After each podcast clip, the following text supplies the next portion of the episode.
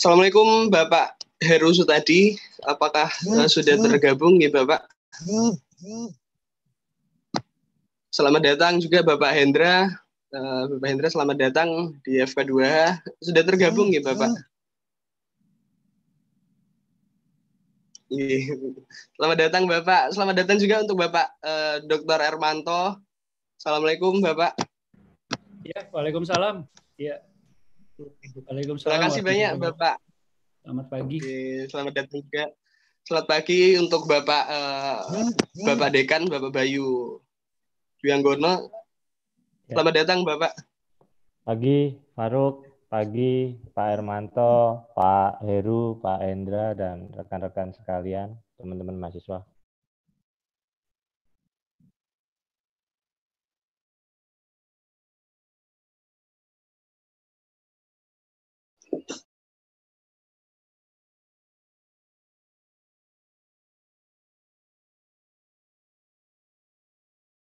Selamat datang juga untuk Ibu Nuzulia, sudah tergabung ya Ibu. Selamat pagi Ibu Nuzulia.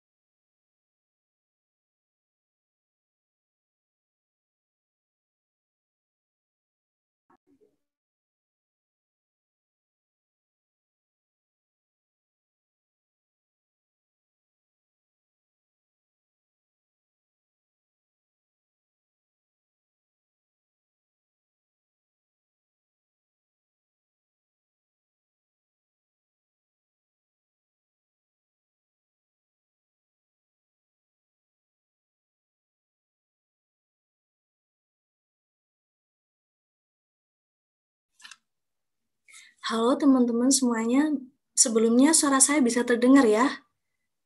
Panitia? Ya. Ya, terdengar. Baik, untuk uh, dimulai ini kurang berapa menit? Kurang lima menit lagi ya.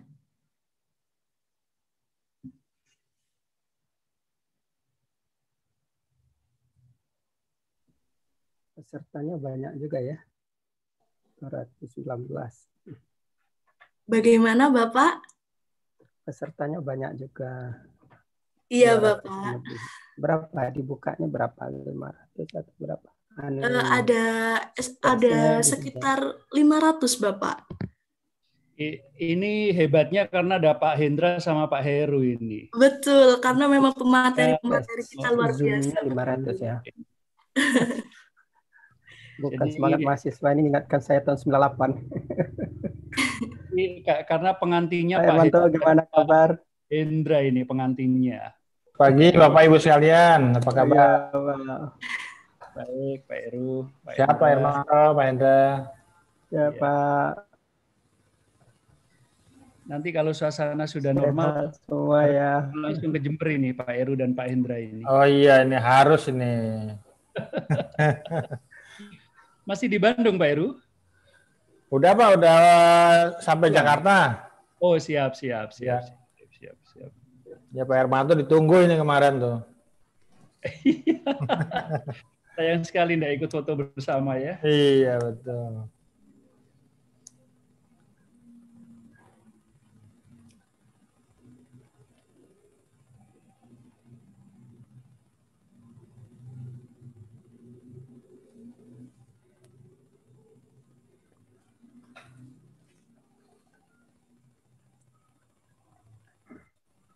Oke, baik. Mungkin bisa kita mulai ya untuk acara pada pagi hari ini.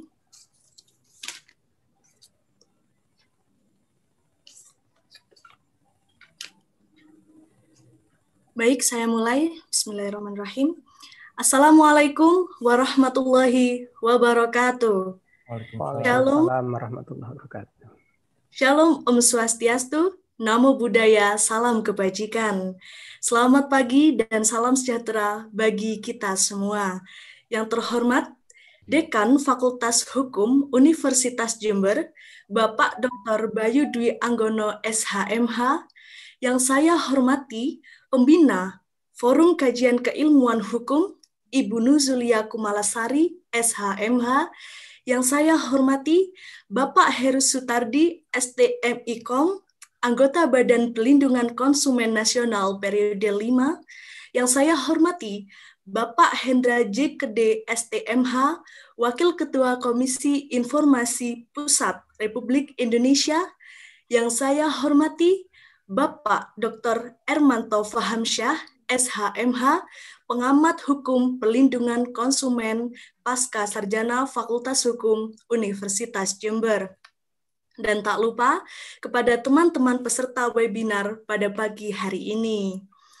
Puji syukur kehadirat Tuhan Yang Maha Esa, karena atas berkat rahmatnya, kita dapat berkumpul dalam forum online webinar nasional dengan tema Rancangan Undang-Undang Perlindungan Data Pribadi sebagai Jaminan Hak Konstitusional Warga Negara di Era Digital dalam Keadaan Sehat Walafiat. Untuk selanjutnya, perkenankanlah saya, Janatin Alfifa, sebagai MC pada webinar kali ini untuk membacakan susunan acara. Yang pertama yaitu pembukaan, kedua sambutan-sambutan, ketiga menyanyikan lagu Indonesia Raya, keempat menyanyikan lagu Mars FK2H, kelima pemaparan materi, keenam penyerahan cendera mata kepada pemateri, ketujuh sesi tanya jawab, Kedelapan, foto bersama. Kesembilan, pengumuman pemenang lomba. Dan yang kesepuluh, penutup. Hadirin dan peserta seminar yang saya hormati, untuk acara yang pertama yaitu pembukaan. Marilah kita buka acara pada pagi hari ini dengan bacaan bismillah bersama-sama. Bismillahirrohmanirrohim. Baik, untuk selanjutnya yaitu menyanyikan lagu Indonesia Raya dan Mars FK2H. Hadirin dimohon untuk duduk tegak.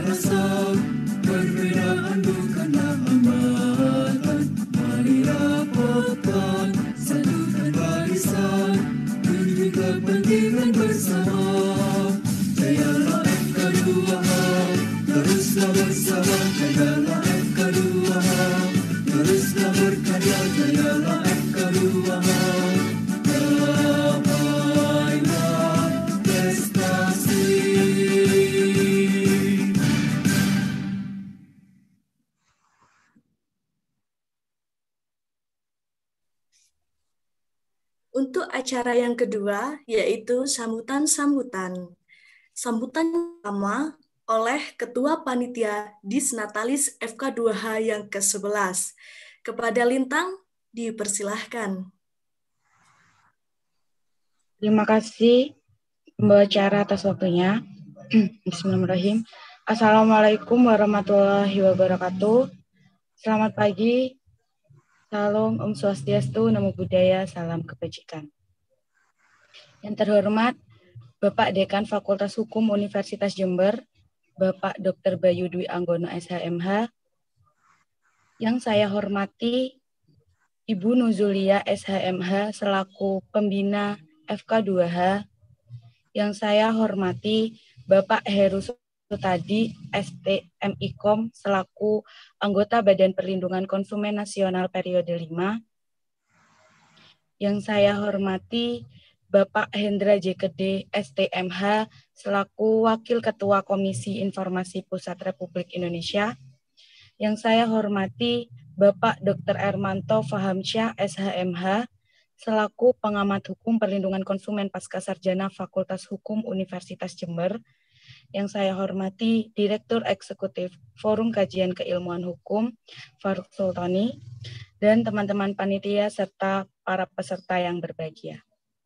Pertama-tama marilah kita panjatkan puja dan puji syukur atas kehadiran Tuhan Yang Maha Esa, karena berkat limpahan rahmat dan hidayahnya kita semua dapat berkumpul di acara webinar ini dalam keadaan sehat walafiat.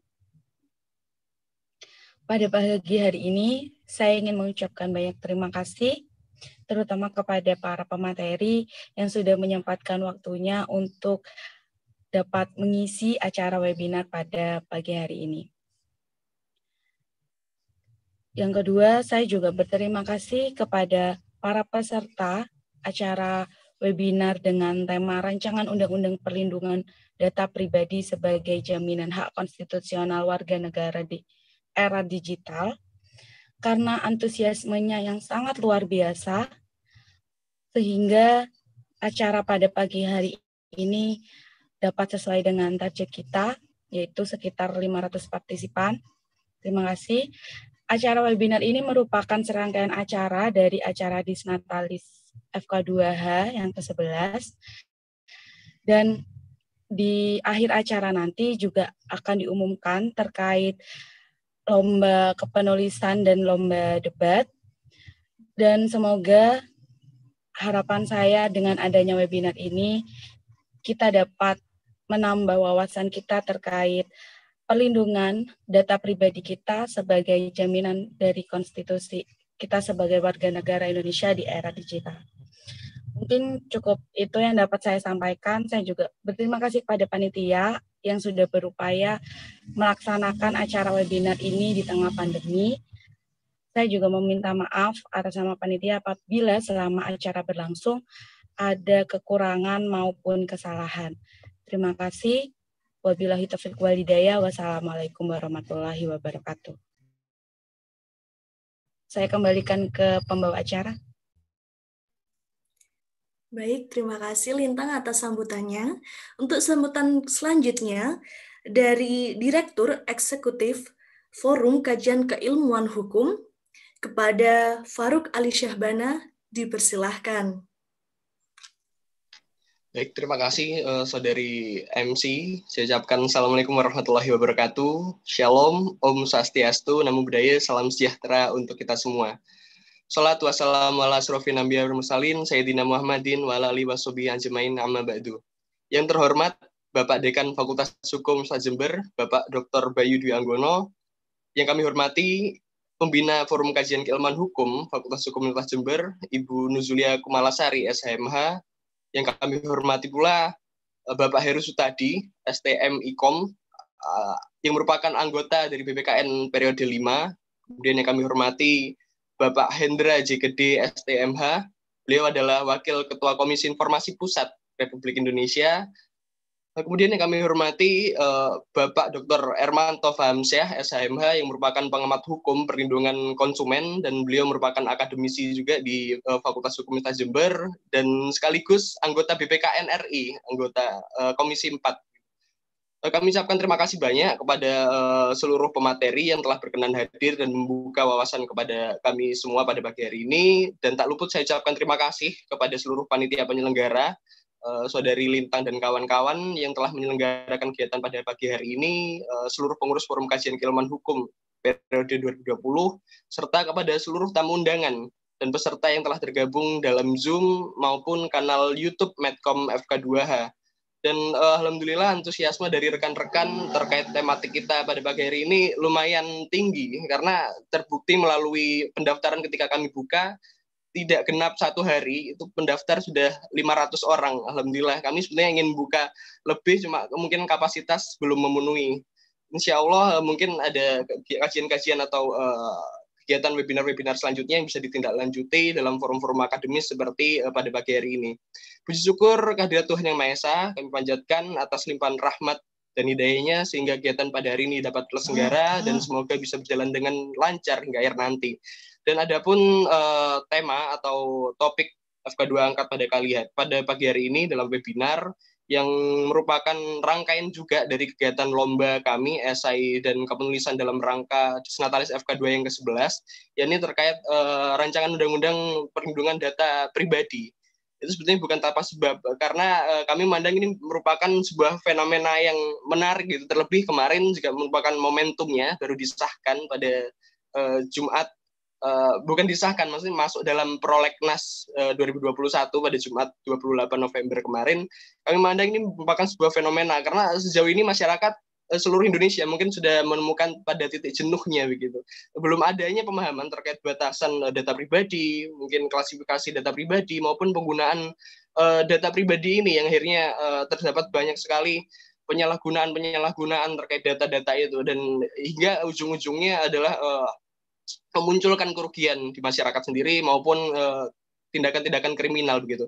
Dan terlebih arus uh, perkembangan teknologi dan digital yang saat ini makin masif dan kuat, uh, mungkin juga uh, seluruh rekan-rekan mahasiswa di FK2 maupun di rekan-rekan mahasiswa seluruhnya ini juga menggunakan sosial media ataupun menggunakan data pribadi untuk mengakses hal-hal tertentu dan sejauh ini belum ada payung hukum yang kuat untuk uh, untuk menaungi terkait hal-hal ini yang akhirnya berujung pada sebuah pengampunan.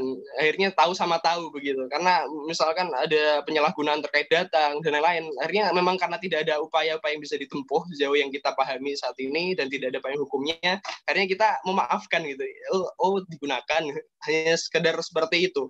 Nah makanya uh, dengan adanya eh, kajian-kajian semacam ini webinar pada pagi hari ini ini kami harapkan dapat memberikan penyegaran wawasan bagi kita semua. Jadi uh, terkait RUU PDP ini perlindungan data pribadi. Dan semoga ada kajian-kajian lebih lanjut yang bisa tidak lanjut oleh rekan-rekan di FK2 maupun rekan-rekan mahasiswa seluruhnya dan dapat memberikan manfaat kepada kita semua baik penyelenggara maupun peserta.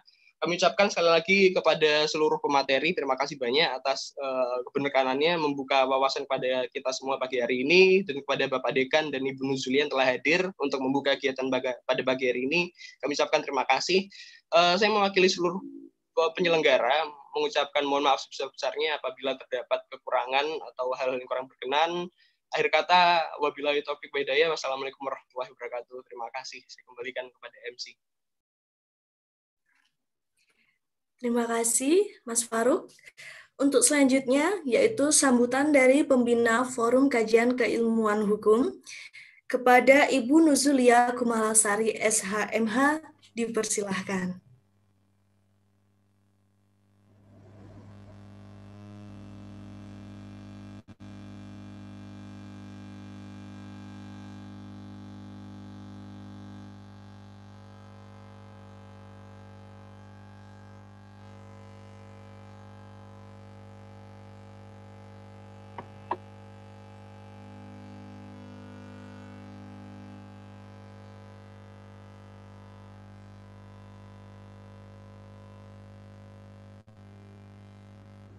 Mohon maaf Ibu masih belum terdengar. Apakah bisa mendengar suara saya? Oke, baik. Baik, Bu. Oke. Assalamualaikum warahmatullahi wabarakatuh. Bismillahirrahmanirrahim. Rabbi rohli sadri wa yassirli amri wahlul 'uqdatam min lisani yafqahu qawli. Amin. Ya. Alhamdulillahirabbil alamin. Pada kesempatan pada pagi hari ini kita dapat melaksanakan webinar tentang perlindungan data pribadi, RU Perlindungan Data Pribadi sebagai jaminan hak konstitusional warga negara di era digital. Puji syukur kehadirat Allah Subhanahu wa taala atas rahmat dan hidayahnya sehingga kita bisa bertemu secara virtual dalam aplikasi Zoom. Salawat serta salam tetap tercurahkan kepada Nabi besar Muhammad SAW. Yang terhormat Bapak Dekan Fakultas Hukum Universitas Jember, Bapak Dr. Bayu Dwi Anggono SMH, yang terhormat para narasumber pada webinar pada pagi hari ini. Yang pertama adalah Bapak Heru Sutardi STMI, KOM, anggota PPKN periode 5. Yang terhormat Bapak Endra, STMH, Wakil Ketua Komisi Informasi Pusat Republik Indonesia. Yang terhormat Bapak Dr. Ermanto Famsa, SMH, Pengamat Hukum Perlindungan Konsumen, Akademisi FH UNEDS, dan anggota PPKN Republik Indonesia. Yang terhormat moderator webinar kali ini. Yang terhormat Direktur Eksekutif FK2H, anak saya ini Faruk. Yang terhormat dan saya cintai anggota FK2H FH UNES dan yang saya banggakan para peserta webinar pada pagi hari ini. Ya. Alhamdulillahirrahmanirrahim, webinar pada kesempatan pagi ini merupakan webinar yang sangat penting yang berkaitan dengan perlindungan data pribadi karena Perlindungan privasi dan data pribadi sangat mempengaruhi perkembangan ekonomi digital di suatu negara, tanpa terkecuali Indonesia. Perlindungan tersebut merupakan faktor penentu akan adanya kepercayaan daring atau online trust yang merupakan hal penting dalam transaksi digital. Privasi dan data pribadi menjadi sebuah hal yang sangat penting karena pengguna dalam jaringan tidak akan melakukan sebuah transaksi digital apabila merasa keamanan dan keselamatannya itu tidak terjamin. Kemudian salah satu perlindungan privasi dan data pribadi tersebut bagaimana data pribadi tersebut tidak disebarkan ke pihak yang tidak bertanggung jawab dan menimbulkan kerugian finansial ya. Kalau misalkan kita melihat kita masih belum mempunyai uh, dat, uh, undang-undang tentang perlindungan data pribadi yang secara spesifik mengatur khusus tentang data pribadi. Pengaturan dan perlindungan hukum masih tersebar di beberapa peraturan perundangan ya Tadi kita sudah alhamdulillah uh, eh, RU tentang data pribadi ini sudah masuk prolegnas dan semoga segera menjadi undang-undang uh, tentang perlindungan data pribadi ya. Ketentuan mengenai perlindungan privasi dan data pribadi ini merupakan amanah di pasal 28G Undang-Undang Dasar Republik Indonesia tahun 1945 yang mengatur hak atas perlindungan diri pribadi, keluarga, kehormatan, martabat, dan harta benda yang berada di bawah kekuasaannya. Jadi di dalam konstitusi kita sudah mengatur secara jelas berkaitan dengan uh, privasi dan data pribadi. Ada juga pendapat para ahli yang saya kutip dari Warren dan Brandes dalam karyanya yang berjudul The Right to Privacy yang menyatakan bahwa privasi adalah hak untuk menikmati kehidupan dan hak untuk dihargai perasaan dan pikirannya. Perlindungan privasi berhubungan erat dengan pemenuhan hak dan data pribadi. Hubungan mengenai privasi dan perlindungan data pribadi ditegaskan oleh Alan Westin. Ia mendefinisikan privasi sebagai hak individu, grup atau lembaga untuk menentukan apakah informasi tentang mereka atau dikomunikasikan atau tidak kepada pihak lain. Nah, jadi hal ini juga perlu, sangat perlu dan sangat urgent sekali untuk melaksanakan webinar pada kali ini karena perlindungan tentang data pribadi ini luar biasa sangat penting dan urgent. Semoga nanti uh, ada undang-undang perlindungan data pribadi yang secara khusus dan spesifik mengatur dan ketentuan tersebut harus menjadi perlindungan uh, bagi seluruh masyarakat Indonesia. Karena kalau misalkan kita melihat di beberapa negara tetangga di Singapura dan Malaysia sudah ada uh, perlindungan Eh, undang-undang tentang pelindungan data pribadi secara spesifik atau mengatur secara khusus. Kita masih mencatol di beberapa ketentuan peraturan perundangan. Ada di ITE dan ada beberapa hal yang lainnya. Semoga uh, webinar kali ini membawa manfaat dan diridhoi oleh Allah Subhanahu wa taala. Nanti saya mohon Bapak Dekan Fakultas Hukum Universitas Jember berkenan untuk membuka uh, acara pada pagi hari ini. Semoga Pak Dekan tidak bosan dan ini ya uh, mengikuti kegiatan FK2 ini karena setiap weekend insya Allah FK2 ini dibawa Mas Faruk aktif untuk mengadakan kegiatan-kegiatan uh, ilmiah. Saya juga menyampaikan mohon maaf sebesar-besarnya apabila uh, dalam penyelenggaraan webinar kali ini ada kekurangan dan juga uh, ada kendala. Terima kasih bilahi taufik walidayah semoga webinar ini bermanfaat dan diridhoi oleh Allah Subhanahu wa taala. Cukup sekian, billahi taufik wal hidayah. Wassalamualaikum warahmatullahi wabarakatuh. Baik, diucapkan terima kasih kepada Ibu Nuzulia atas sambutan yang telah diberikan. Untuk selanjutnya yaitu sambutan dari Dekan Fakultas Hukum Universitas Jember, Dr. Bayu Dwi Anggono SHMH, dipersilahkan. Terima kasih eh, Saudara MC, Saudara Janatin. Suara saya didengar? Bisa Bapak. Oke, Alhamdulillah kalau begitu. Assalamualaikum warahmatullahi wabarakatuh. Salam sejahtera untuk kita semua. Om Swastiastu, Namo Buddhaya, dan salam kebajikan. Yang saya hormati Bapak Heru Sutadi, ST MIKOM, anggota Badan Pelindungan Konsumen Nasional periode 5 yang merupakan narasumber. Salam kenal Pak Heru, semoga ini bukan yang terakhir untuk bergabung di kegiatan di Fakultas Hukum Stas Jember. Harapan kami besar bisa untuk terus bekerjasama dengan eh, teman-teman uh, di Badan Pelindungan Konsumen Nasional. Kemudian yang saya hormati Bapak Hendra J. Ed, uh, STMH, Wakil Ketua Komisi Informasi Pusat Republik Indonesia selaku narasumber. Salam kenal juga Pak Hendra. Sama, semoga ini bukan yang terakhir aktivitas dengan Fakultas Hukum Universitas Jember. Ke depan antara Komisi Informasi Pusat eh, Republik Indonesia dengan Fakultas Hukum bisa untuk kita gagas eh, kerjasama dalam berbagai bidang, utamanya terkait dengan jaminan hak konstitusional warga negara di bidang informasi. Kemudian eh, yang saya hormati dan juga eh, menjadi kebanggaan Fakultas Hukum, Dr. Ermanto Fahamsa SAMH. Saya sulit menyebut Mas Ermanto ini sebagai apa karena banyak sekali jabatan yang melekat ke beliau. Sebagai dosen Fakultas Hukum, iya. Sebagai pengamat hukum pelindungan konsumen, iya. Sebagai kaprodi Magister Notariat FAUNET, iya. Sebagai anggota eh, BPKN Perdo 5, iya. Dan masih banyak lagi tapi yang pasti Mas Hermanto ini eh, jabatannya adalah eh, dosen milenial, dosen yang jadi idola banyak mahasiswa Fakultas Hukum Universitas Jember itu yang paling penting itu Mas Hermanto kira-kira.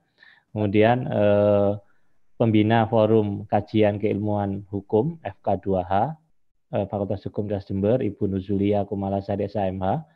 Saya biasa panggilnya Mbak Lia. Beliau adalah salah satu Eh, pembina eh, Ormawa yang cukup berhasil karena sudah banyak prestasi yang dihasilkan oleh FK2H sehingga saya mengatakan fakultas ini punya banyak hutang hutang sejarah kepada FK2H karena begitu banyak prestasi yang dihasilkan untuk membawa nama baik Fakultas Hukum ke pentas eh, nasional begitu. Kemudian yang saya hormati para dosen Fakultas Hukum yang hadir dalam acara ini, kemudian Direktur Eksekutif FK2H Universitas Jember, Faruk Sultan Ali Sabana yang tambah lama saya lihat kumisnya makin tebal begitu ya. Nah, ini kayaknya karena e, banyak sekali aktivitas-aktivitas yang kemudian dilakukan oleh Faruk sehingga uh, Faruk uh, apa uh, tidak uh, kumisnya jadi lebih tebal begitu ya Faruk. Saya lagi terima kasih Faruk sudah terus membawa FK2H banyak melakukan kegiatan positif semacam ini. Kemudian Ketua Panitia Penyelenggara Webinar tadi Saudara Lintang ya, Raayu Ning Lintang tapi panggilannya Lintang begitu.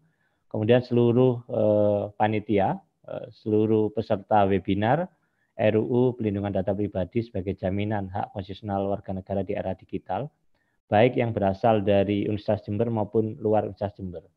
Saya sempat sebenarnya kita pernah berdiskusi karena banyaknya webinar yang diselenggarakan hampir setiap hari oleh berbagai institusi, kita sempat berpikir lama kelamaan eh, pesertanya akan kemudian semakin eh, minimal begitu ya. Tapi ternyata saya lihat per jam ini sudah 256. Tentu ini saya adalah satu hal yang patut kita syukuri bahwa ternyata di weekend semacam ini era kenormalan baru teman-teman uh, sangat uh, punya interest tinggi untuk mengikuti acara webinar semacam ini. Tentu selain karena lembaga penyelenggaranya kredibel FK2H, juga karena para narasumbernya adalah orang-orang yang memiliki kualifikasi yang mumpuni sehingga kemudian menarik bagi para peserta untuk bergabung dalam acara ini. Saya ucapkan selamat datang bagi para peserta yang berasal dari luar Universitas Jember. Eh, pertama-tama marilah kita panjatkan puji syukur kehadirat Allah Subhanahu wa taala Tuhan yang Maha Esa karena pada pagi hari ini kita masih diberikan nikmat kesehatan untuk kemudian bisa eh, menyelenggarakan sebuah acara yang saya nilai sangat baik dalam konteks pengembangan keilmuan kita semua. Di tengah saat ini pandemi Covid masih eh, ada di sekitar kita, ada beberapa saudara-saudara kita di Universitas Jember yang juga terpapar Covid dan sudah ada yang berpulang lebih dulu ke hadirat Allah Subhanahu wa taala Tuhan yang Maha Esa sehingga kita doakan arwah eh, sahabat-sahabat kita itu diterima sisi Allah Subhanahu wa taala Tuhan yang Maha Esa begitu. Saya saya ingin memulai bahwa eh, acara ini adalah eh, bukan hanya sekedar rangkaian Disnatalis ke-11 FK2H itu betul begitu ya. Namun berkali-kali saya sampaikan bahwa ke depan saat ini dan ke depan begitu perguruan tinggi dituntut untuk memenuhi indikator kinerja utama yang itu sebenarnya ada tiga yang kaitannya dengan kegiatan ini. Saya pikir yang kegiatan ini membawa dampak signifikan bagi pencapaian indikator kinerja utama perguruan tinggi. Yang pertama adalah dalam rangka meningkatkan kualitas lulusan, begitu ya. Mahasiswa dituntut punya pengalaman di luar. Selain itu, kemudian praktisi mengajar di kampus. Lah. Kegiatan ini saya menggabungkan tiga hal itu. Dalam rangka kita terus meningkatkan kualitas lulusan pendidikan tinggi hukum di Fakultas Hukum SAS Jember, maka kita harus mendorong mahasiswa punya pengalaman. Pengalaman di luar saya maknai karena situasi COVID, maka acara-acara webinar melalui aplikasi Zoom semacam ini adalah bagian untuk kemudian mendekatkan mahasiswa kepada pengalaman-pengalaman di luar itu.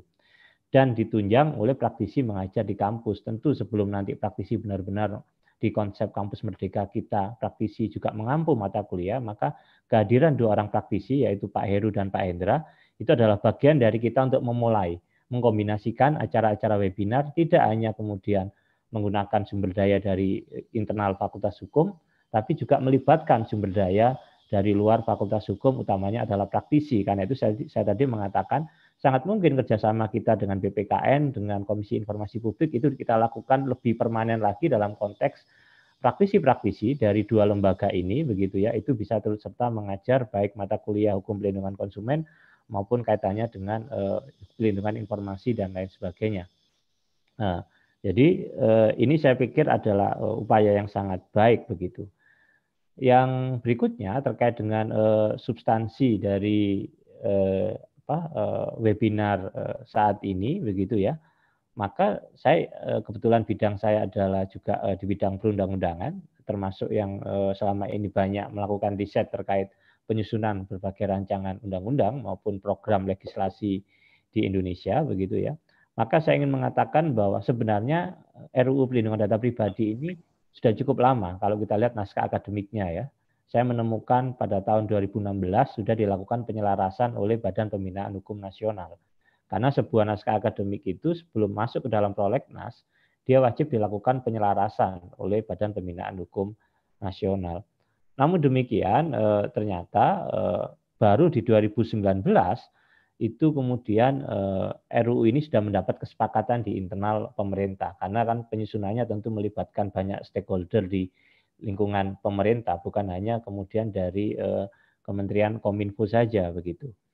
Jadi sebenarnya pada Juli 2019 eh, Menteri Kominfo pada waktu itu Bapak Rudiantara sudah menyatakan RUU Pelindungan Data Pribadi versi pemerintah sudah disetujui di internal pemerintah. Itu sebuah hal yang baik sebenarnya. Namun ternyata baru 2020, lebih tepatnya 28 Januari, Presiden menekan surpres, surat Presiden yang menugaskan tiga kementerian, Kementerian Kominfo, Kementerian Hukum dan HAM, serta Kementerian Dalam Negeri untuk melakukan pembahasan RUU ini dengan DPR. Karena tanpa ada surpres, maka tidak bisa supaya RUU itu dilakukan eh, pembahasan di DPR. Dan baru 28 Februari begitu RUU ini masuk 28 Februari 2020 ya, eh, itu masuk ke pembicaraan tingkat satu di mana fraksi-fraksi dimulai dengan menyusun daftar inventarisasi masalah. Karena sekaligus sebagai informasi bagi teman-teman sekalian, kalau ini RUU dari inisiatif pemerintah, maka fraksi-fraksi di DPR itu menyusun daftar inventarisasi masalahnya.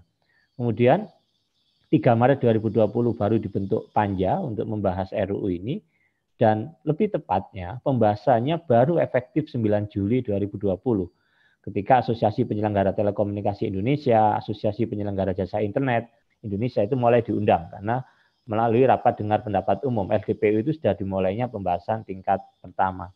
Dan saat ini RUU itu belum selesai untuk uh, dilakukan pembahasan di tingkat pertama. Bahkan empat hari yang lalu Menteri Komunikasi dan Informatika Bapak Joni G. Plate mengatakan DPR perlu mengebut proses legislasi RUU perlindungan data pribadi. Tapi karena tidak terkejar di 2020 ini, maka dimasukkan dalam prolegnas 2021 masuk dari 10 eh, RUU inisiatif pemerintah yang ini akan kemudian eh, dilanjutkan pembahasan di 2021. Apa kemudian yang ingin saya sampaikan? Bahwa ternyata sebenarnya dibandingkan RUU-RUU lain yang pembahasannya itu relatif singkat ya, dalam hitungan enam bulan sudah selesai, ada yang dalam hitungan hari beberapa RUU juga sudah selesai. Maka menurut saya ada persoalan dalam politik legislasi kita yang harusnya RUU pelindungan data pribadi menurut saya adalah RUU yang harusnya bisa dituntaskan sebenarnya pada periode tahun ini. Kalau kita lihat sejak 2016 itu sudah ada naskah akademiknya. Tentu empat tahun itu waktu yang cukup panjang, tentu akan ada banyak akibat yang kita terima ketika RUU ini tidak segera untuk diselesaikan pembahasannya yang pada akhirnya kemudian akan diundangkan. Karena meskipun RUU ini bukan perintah langsung dari Undang-Undang Dasar, bukan Undang-Undang Organik begitu, RUU ini adalah amanat langsung dari amanat eh, pembukaan eh, Undang-Undang Dasar kita, di mana kemudian pemerintah negara Republik Indonesia wajib punya kewajiban konstitusional untuk melindungi segenap bangsa Indonesia dan seluruh tumpah darah Indonesia pelindungan itu diwujudkan tentu eh, termasuk adalah pelindungan data pribadi begitu. Kemudian kita ingat juga eh, dalam konteks pasal 28G ayat 1 Undang-Undang Dasar kita di mana kemudian pelindungan diri pribadi, keluarga dan seterusnya itu kemudian merupakan hak asasi begitu. Terakhir pasal 28H ayat 4 setiap orang berhak mempunyai hak milik pribadi dan hak milik tersebut tidak boleh diambil oleh sewenang-wenang oleh siapa pun.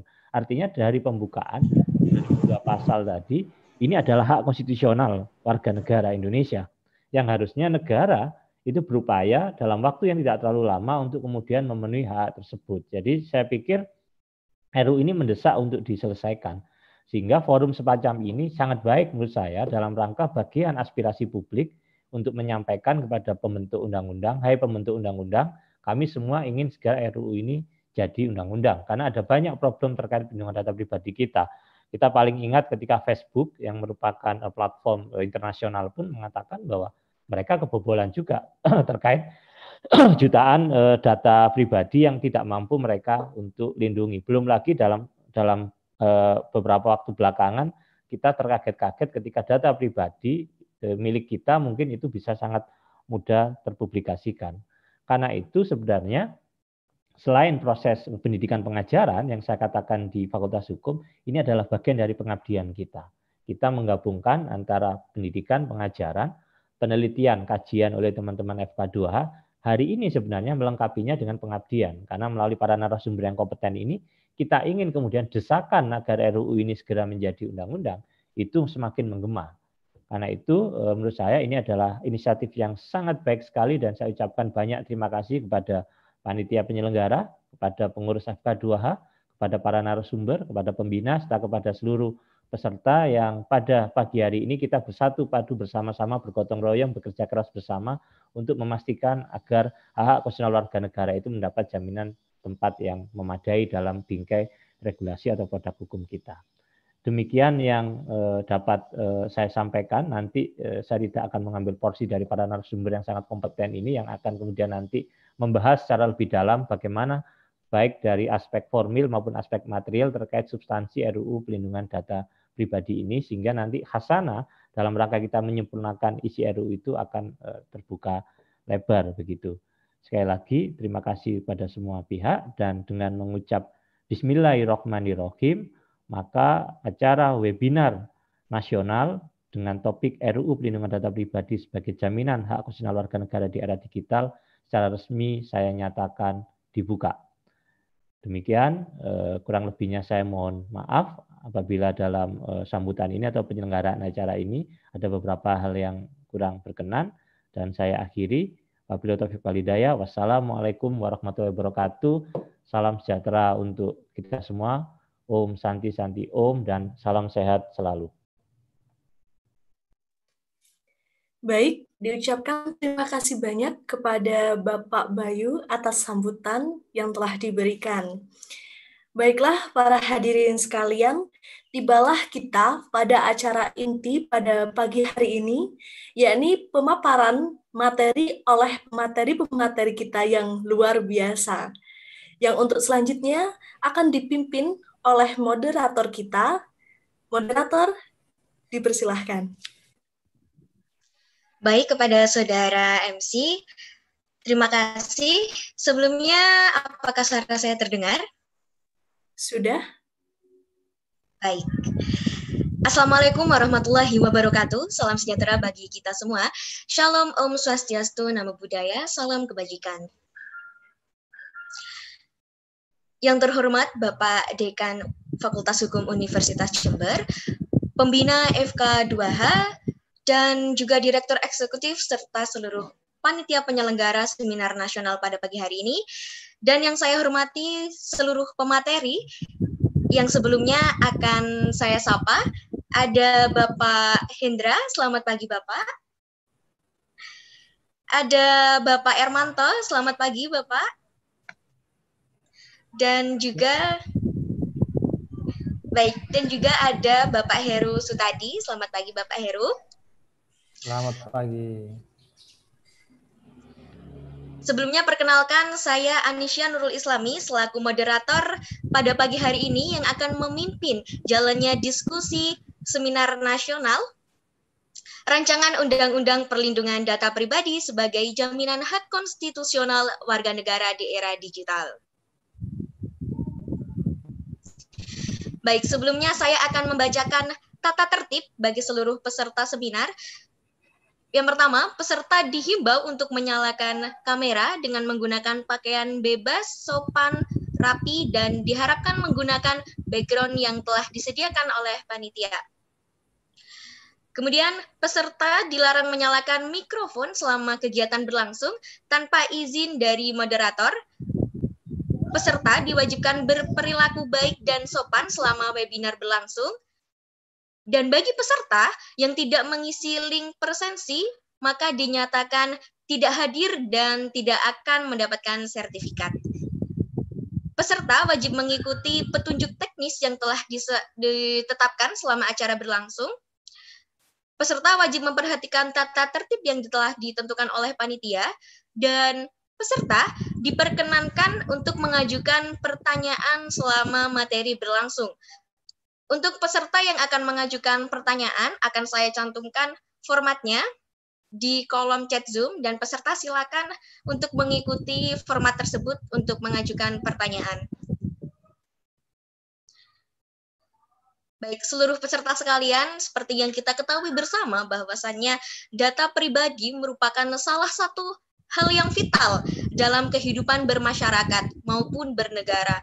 Dalam era digital, saat ini banyak perusahaan penyedia layanan jasa via online seperti layanan belanja online, kemudian ojek online, meeting online, dan sebagainya. Dan pelayanan online tersebut terkadang masyarakat sebagai pengguna layanan diharuskan melalui satu langkah registrasi begitu dengan memasukkan data diri mereka sebagai persyaratan agar mendapatkan layanan tersebut. Dan oleh karena itu tema kita pada pagi hari ini sangat menarik untuk dibahas eh karena tidak semua kalangan mengetahui tentang adanya rancangan undang-undang perlindungan data pribadi tersebut dan pentingnya rancangan undang-undang tersebut. Baik, untuk menghemat waktu, marilah kita memasuki sesi diskusi yang di mana pemaparan materi pertama akan disampaikan oleh Bapak Heru Sutadi yang sebelumnya akan saya bacakan CV beliau.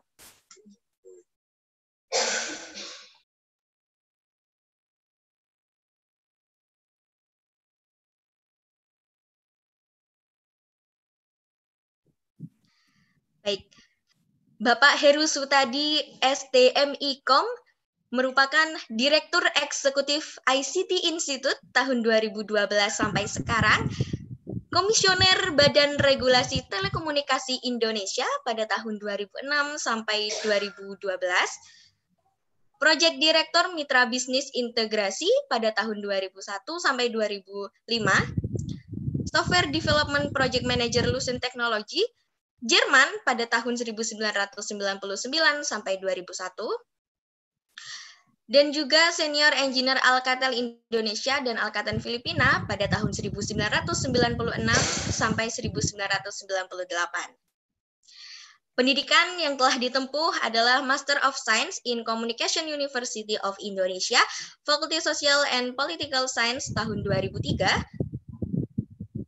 Bachelor Degree in Telecommunication University of Indonesia Electrical Engineering Faculty of Engineering tahun 1996 dan Graduate School of Business University of Cape Town, South Africa tahun 2010. Baik, itulah CV singkat pemateri pertama kita pada hari ini, yakni Bapak Heru Sutadi.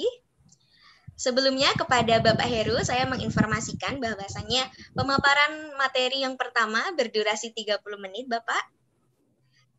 Dan kepada yang terhormat Bapak Heru Sutadi, dipersilahkan untuk memaparkan materi. Ya, terima kasih Mbak Anissa.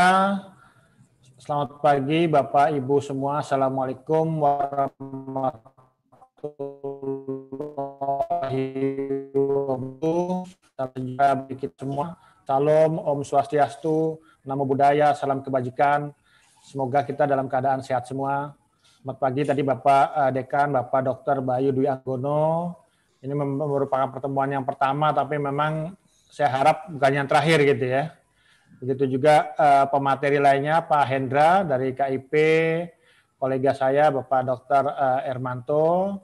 Semoga kita bisa uh, apa, uh, menyampaikan dalam kesempatan pagi hari ini bagaimana uh, perlindungan data pribadi dalam perspektif uh, perlindungan uh, konsumen. Next, Uh, jadi uh, sebelum kita bicara tentang uh, bagaimana perlindungan data pribadi, mungkin saya ingin menyampaikan atau mungkin uh, ya menjelaskan lah apa itu BPKN gitu ya. Jadi tak kenal maka tak sayang gitu. Jadi kalau BPKN itu merupakan Badan Perlindungan Konsumen yang didirikan berdasarkan Undang-Undang Perlindungan Konsumen nomor 8 tahun 1999. Jadi BPKN ini memiliki tanggung jawab uh, kepada uh, Presiden Republik Indonesia. Dan kalau kita lihat mungkin teman-teman di Universitas Jember khususnya apalagi yang di Fakultas Hukum mungkin juga tahu bahwa BPKN memiliki anggota yang terdiri dari beberapa unsur gitu ya. Jadi ada unsur pemerintah, pelaku usaha, lembaga perlindungan konsumen swadaya masyarakat, akademisi, kemudian juga ada uh, tenaga ahli. Kebetulan saya menjadi bagian dari uh, tenaga ahli di uh, BPKN. Dan kebetulan juga BPKN periode 5 ini cukup baru gitu ya. Jadi kemarin baru dilantik oleh mendapat tugas dari Presiden, dilantik oleh Menteri Perdagangan di akhir Agustus. Di baru sekitar ya tiga bulan lah gitu ya. Bersama Pak Dr. Ermanto sih sebenarnya gitu. Eh, kalau kita lihat eh, fungsi BPKN kita bisa lihat di pasal eh, 11 dan juga 12 adalah bagaimana kita bisa memberikan saran dan rekomendasi eh, atau saran dan pertimbangan kepada presiden dalam mengembangkan eh, pelindungan konsumen eh, di Indonesia. Jadi kalau kita lihat di pasal berikutnya itu ada memberikan saran dan rekomendasi, kemudian penelitian dan pengajian, penelitian barang dan atau jasa, mendorong tumbuh kembangnya lembaga perlindungan konsumen swadaya masyarakat, menyebarkan informasi, menerima pengaduan dan juga melakukan uh, survei gitu ya. Mungkin next. Uh, kalau kita lihat uh, kenapa sih mungkin uh, semangat dari undang-undang uh, PK atau undang-undang perlindungan konsumen ini kan sebenarnya memang adalah bagaimana uh, kita memberikan satu uh, kepercayaan atau trust. Jadi dari pemerintah, pelaku usaha, konsumen. Kenapa itu harus dilakukan? Karena kalau kita lihat kan eh, pertumbuhan ekonomi itu kan salah satunya itu ditopang salah satunya itu selain eh, government expenses gitu ya belanja pemerintah yang mungkin cukup besar di masa pandemi apalagi gitu ya. Tapi betapapun juga eh, kita didorong oleh eh, konsumsi masyarakat. Nah, konsumsi masyarakat inilah yang akan melibatkan konsumen. Jadi kita ini sebenarnya konsumen Indonesia ini ya semua konsumen jadi siapa pun pernah menjadi konsumen atau mungkin dari lahir sampai ke, kemudian juga uh, meninggal menjadi konsumen gitu ya. Bayi kita jadi konsumen membeli susu segala macam popok apa gitu ya. Kemudian sampai uh, meninggal pun juga uh, menjadi konsumen untuk uh, apa uh, pemakaman segala macam. Ini yang memang kemudian bahwa konsumen ini harus uh, dilindungi. Tentunya memang bagaimana ini mengkolaborasikan juga pemerintah, eh, pelaku usaha untuk memberikan perlindungan yang memadai pada konsumen agar konsumen juga percaya menjadi kemudian eh, ekonomi eh, bergerak gitu ya. Ya next mungkin. Jadi sebelum kita bicara tentang PDP, mungkin saya cerita tentang revolusi industri 4.0.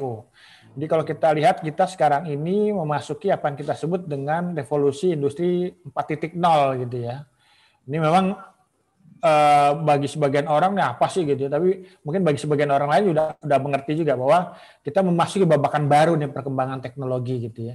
Tadi yang mungkin hanya sekedar web base gitu ya, kemudian sekarang juga uh, melibatkan teknologi-teknologi baru yang yang mungkin juga uh, menjadi teknologi yang akan juga ramai di ke depannya. Jadi misalnya kita bicara tentang Internet of Things. Jadi kalau sekarang pengguna internet itu banyak ke manusia, nanti mungkin uh, dengan Internet of Things semua bisa diinternetkan gitu ya. Jadi uh, kulkas bisa diinternetkan, uh, AC diinternetkan, TV diinternetkan gitu. Udah, udah banyak juga TV Android segala macam. Kemudian juga misalnya uh, kita bicara tentang teknologi yang namanya nanti ada blockchain, ada uh, Bitcoin segala macam gitu itu menjadi bagian dari uh, blockchain tapi juga secara lebih luas juga bisa dipakai dalam hal-hal uh, yang mungkin uh, menyangkut kepentingan atau asal usul mungkin barang jasa gitu itu bisa bisa kita kembangkan dengan blockchain. Kemudian juga augmented reality artificial intelligence atau kecerdasan buatan. Yang tak bisa dilupakan itu adalah juga bagaimana pemanfaatan uh, big data. Di big data ini merupakan hal yang ya secara kebetulan waktu itu di 2013 itu uh, saya dan teman-teman juga memperkenalkan big data di awal uh, big data itu uh, ramai di Indonesia. Jadi kita melakukan beberapa penelitian juga melakukan sosialisasi dan juga bagaimana mengedukasi masyarakat tentang uh, big data, terutama juga pemanfaatan big data gitu ya. Ya next. Ya, jadi kalau kita lihat memang uh, perkembangan uh, big data ini uh, hal yang sebenarnya nggak baru juga gitu ya tapi memang kalau kita lihat dari data yang sebelumnya ini apa uh, sifatnya itu mungkin lebih sederhana, sekarang sudah data yang uh, sifatnya itu yang ukurannya udah besar gitu. Jadi nanti kita bicara apa sih yang, yang terkait dengan big data, kemudian juga uh, variasi seperti apa, kemudian juga uh, ya kalau kita lihat kan kalau misalnya tadi uh, kita bicara data-data itu mungkin data-data uh, mungkin tanggal lahir, kemudian uh, uh, di mana kita tinggal gitu ya. Tapi dengan big data semua bisa dikorelasikan lagi gitu ya. Apalagi sekarang kalau kita lihat nih yang ramai itulah data movement gitu ya. Ini udah sampai data movement. Jadi kalau misalnya uh, teman-teman uh, peserta webinar ini biasa menggunakan apa uh, Google Maps gitu ya, itu suka dipantau itu kita. Oh, kadang-kadang kita bingung kok dia tahu gitu ya. Kita mungkin dari satu restoran tertentu atau lewat jalan tertentu gitu ya, atau satu tempat tertentu sehingga kita kemudian dimintakan apa dimintakan pendapatnya tentang uh, tempat tersebut segala macam. Ya memang uh, ada ada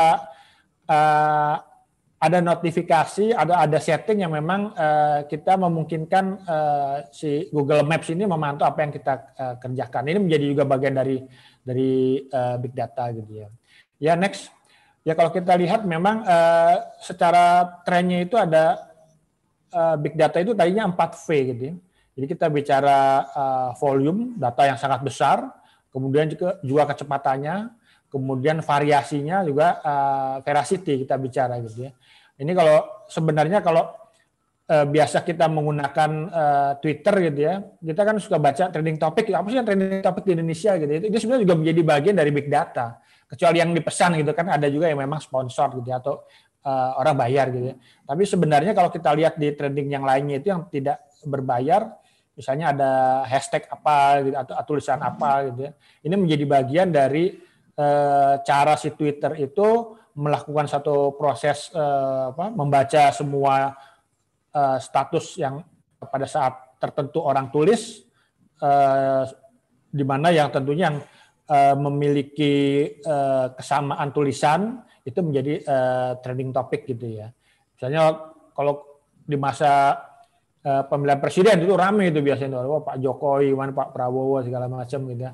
Atau mungkin sebenarnya kita juga udah mulai menggunakan juga tuh misalnya kalau ada piala AFF sepak bola gitu ya, udah nama nama Irfan Bahdim lah, Basuki Pamungkas segala macam gitu ya. Ini uh, masuk semua uh, di dalam uh, trending topik di, di Twitter gitu. Jadi itu menjadi bagian dari uh, global trend yang saat ini ada. Jadi tidak hanya nanti kita bicara tentang data yang ditulis, tapi juga sekarang juga udah, udah udah juga gambar, video, foto gitu atau mungkin juga tadi eh, pergerakan kita juga bisa bisa dipantau. Ya next mungkin. Ya kalau kita lihat juga uh, dimensi big data ini tadi uh, pertumbuhan datanya sekarang sangat uh, pesat sekali gitu ya. Tadi kita bicara dulu kan kita bicara SMS, kemudian juga uh, bicara mungkin hanya nulis status aja. Sekarang udah udah mulai dengan dengan gambar, dengan video gitu ya. Mungkin next mungkin. Nah, ini beberapa sumber dari big data. Tadi ada log data, ada event, email, eh, media sosial, ada video, dan termasuk yang terakhir tadi saya sampaikan itu adalah uh, geospasial gitu ya. Ya mungkin next. Ini pemanfaatan uh, dari big data, jadi di telekomunikasi, keuangan, perbankan. Ya mungkin kalau telekomunikasi jadi gini, teleko, operator telekomunikasi itu bisa tahu. Jadi misal kita berbagai provinsi, ini kira-kira provinsi mana yang mungkin jumlah uh, penggunanya banyak. Kapan uh, jumlah pengguna banyak itu yang banyak apa nih? Prabayar, pasca bayar. Oh, misalnya prabayar. Katakanlah misalnya di uh, Jember uh, prabayarnya banyak. Nah, nanti akan dilihat nih rata-rata pengguna prabayar yang ada di Jember ini berlangganan data itu berapa gigabyte, berapa GB gitu ya. Apakah 5, apa 10. Nanti juga akan mereka akan melakukan satu proses clustering lagi. Ini dari 5 atau 10 gigabyte ini apa sih biasanya mereka melakukan apa? Melakukan uh, isi ulang gitu ya. Isi ulangnya kapan, berapa besar gitu ya. Ini uh, secara apa segala macam itu, itu bisa bisa dilakukan. Kemudian juga keuangan perbankan, apalagi sekarang kredit scoring itu juga menggunakan informasi mungkin tidak hanya uh, informasi yang umum atau yang yang biasa kita tahu, tapi juga udah ini aktivitasnya orang ini apa gitu. Misalnya dia melakukan peminjaman ke bank gitu ya, kemudian oh ini uh, uh, dia kerja di mana itu bisa bisa dicek semua kerja di mana, kemudian uh, aktivitasnya apa aja gitu ya. Ini bisa dilakukan juga dengan dengan big data. Aktivitas politik apalagi, jadi kita bisa lihat uh, ya tadi bisa pertempuran pilkada DKI Jakarta waktu itu misalnya Pak Ahok Pak Anies itu tiap hari kan juga uh, berubah-ubah itu apa isu-isunya. Uh, bisa isu yang positif bisa yang negatif bisa untuk salah satu pihak atau bisa dua-duanya uh, mungkin mendapat serangan yang negatif gitu ya. Kemudian juga kesehatan memang kalau di banyak negara juga uh, digunakan juga untuk melihat misalnya Eh, pandemi itu seperti apa, bisa dari satu tempat ke tempat lain perubahannya seperti apa. Mereka ini juga bisa kita pelajari di Indonesia mana sih yang orangnya lebih uh, care misalnya terhadap COVID, bagaimana lebih care misalnya terhadap menggunakan masker segala macam gitu ya. Dan kalau eh, di beberapa negara juga mereka juga bisa memprediksi nih. Ini kapan nih eh, pandemi eh, gelombang pertama ini selesai gitu ya. Gelombang kedua kapan mulai ini bisa bisa diprediksi sebenarnya gitu. Walaupun di Indonesia sayangnya memang belum dimanfaatkan secara optimal sehingga juga beberapa kali kita eh, meleset gitu ya untuk memprediksi tadinya eh, Mei selesai nggak selesai, Agustus selesai nggak selesai, September selesai nggak selesai dan kita masih masuk di uh, gelombang pertama kita belum masuk di gelombang kedua bahkan gitu. Kemudian juga perdagangan online mungkin teman-teman juga sering menggunakan marketplace ini. Jadi kok kadang-kadang kok di depan uh, apa di depan uh, di front page uh, marketplace-nya kok dia tahu gitu ya. Uh, ketika kita melihat sepatu gitu ya, tiba-tiba di di Facebook aja kadang-kadang kok kita dikasih lihat sepatu terus dengan merek-merek yang baru, model-model yang baru segala macam gitu ya. Itu biasa-biasa biasa uh, terjadi gitu. Dan yang bahkan ini sekarang ini kadang-kadang kita nulis sesuatu di uh, pesan instan kayak di WhatsApp gitu ya, kok seolah-olah bisa terhubung ke Facebook gitu ya. Mungkin uh, kita ketika kita ngomong makanan apa gitu ya, kok bisa tiba-tiba ada penawar di Facebook gitu. Nah, ini nih yang yang yang juga sebenarnya juga uh, telah mulai dimanfaatkan uh, big data dalam uh, layanan tersebut.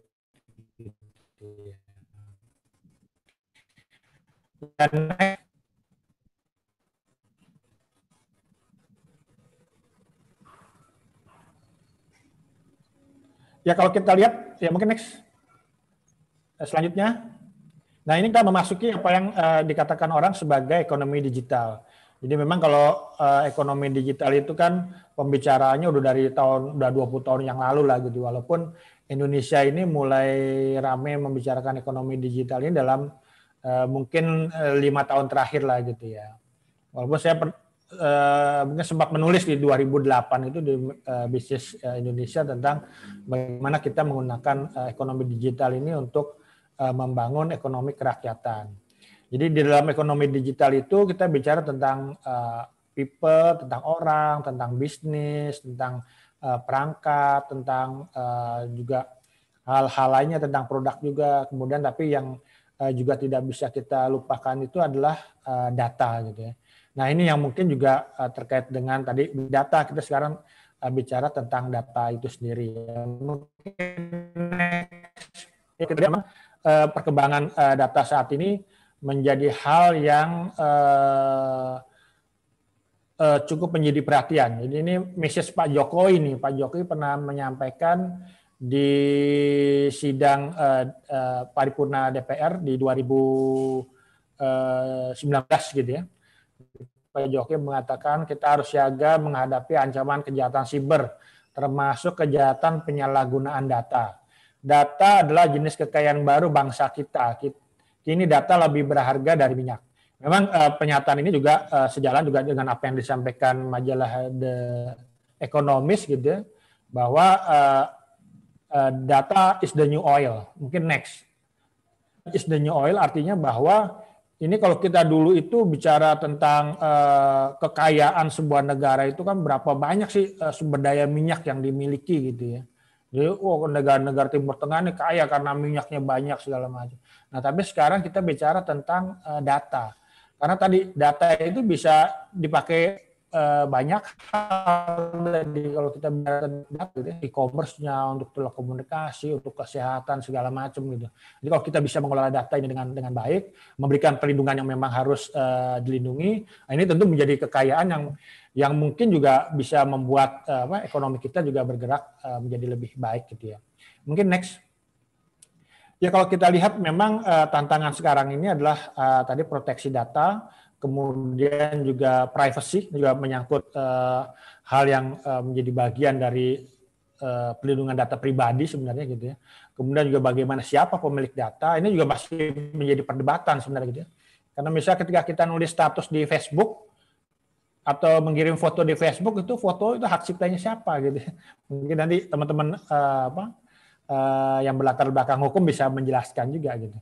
Kemudian video apa gitu. Kadang uh, dengan teknologi copy paste ini semua bisa tadinya milik si A bisa jadi milik si B gitu ya.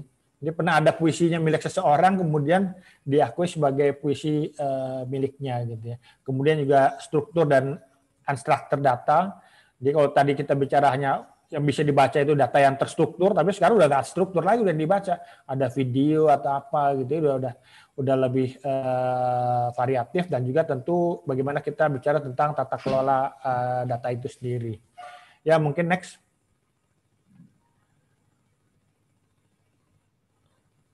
Ya mungkin ini kejahatan baru. Next mungkin.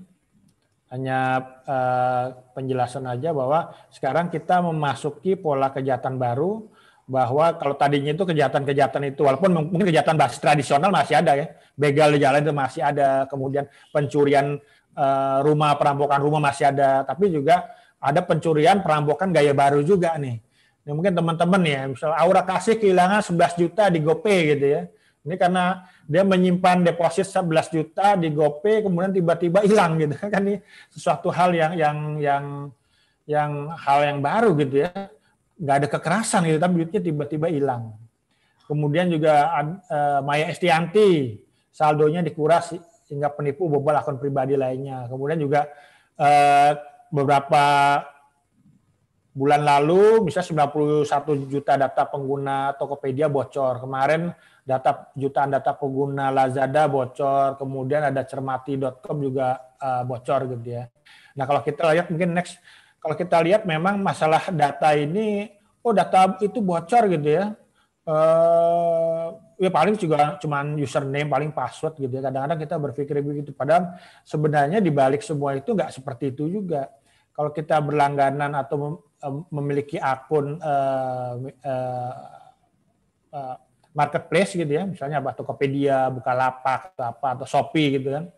Itu kan kita tidak hanya uh, memasukkan uh, nama, tidak hanya memasukkan mungkin password, tapi juga ketika data kita itu dibuka atau diambil alih orang, nama kita ketahuan, alamat kita pasti ketahuan dong, karena kan kita masukin ini alamat.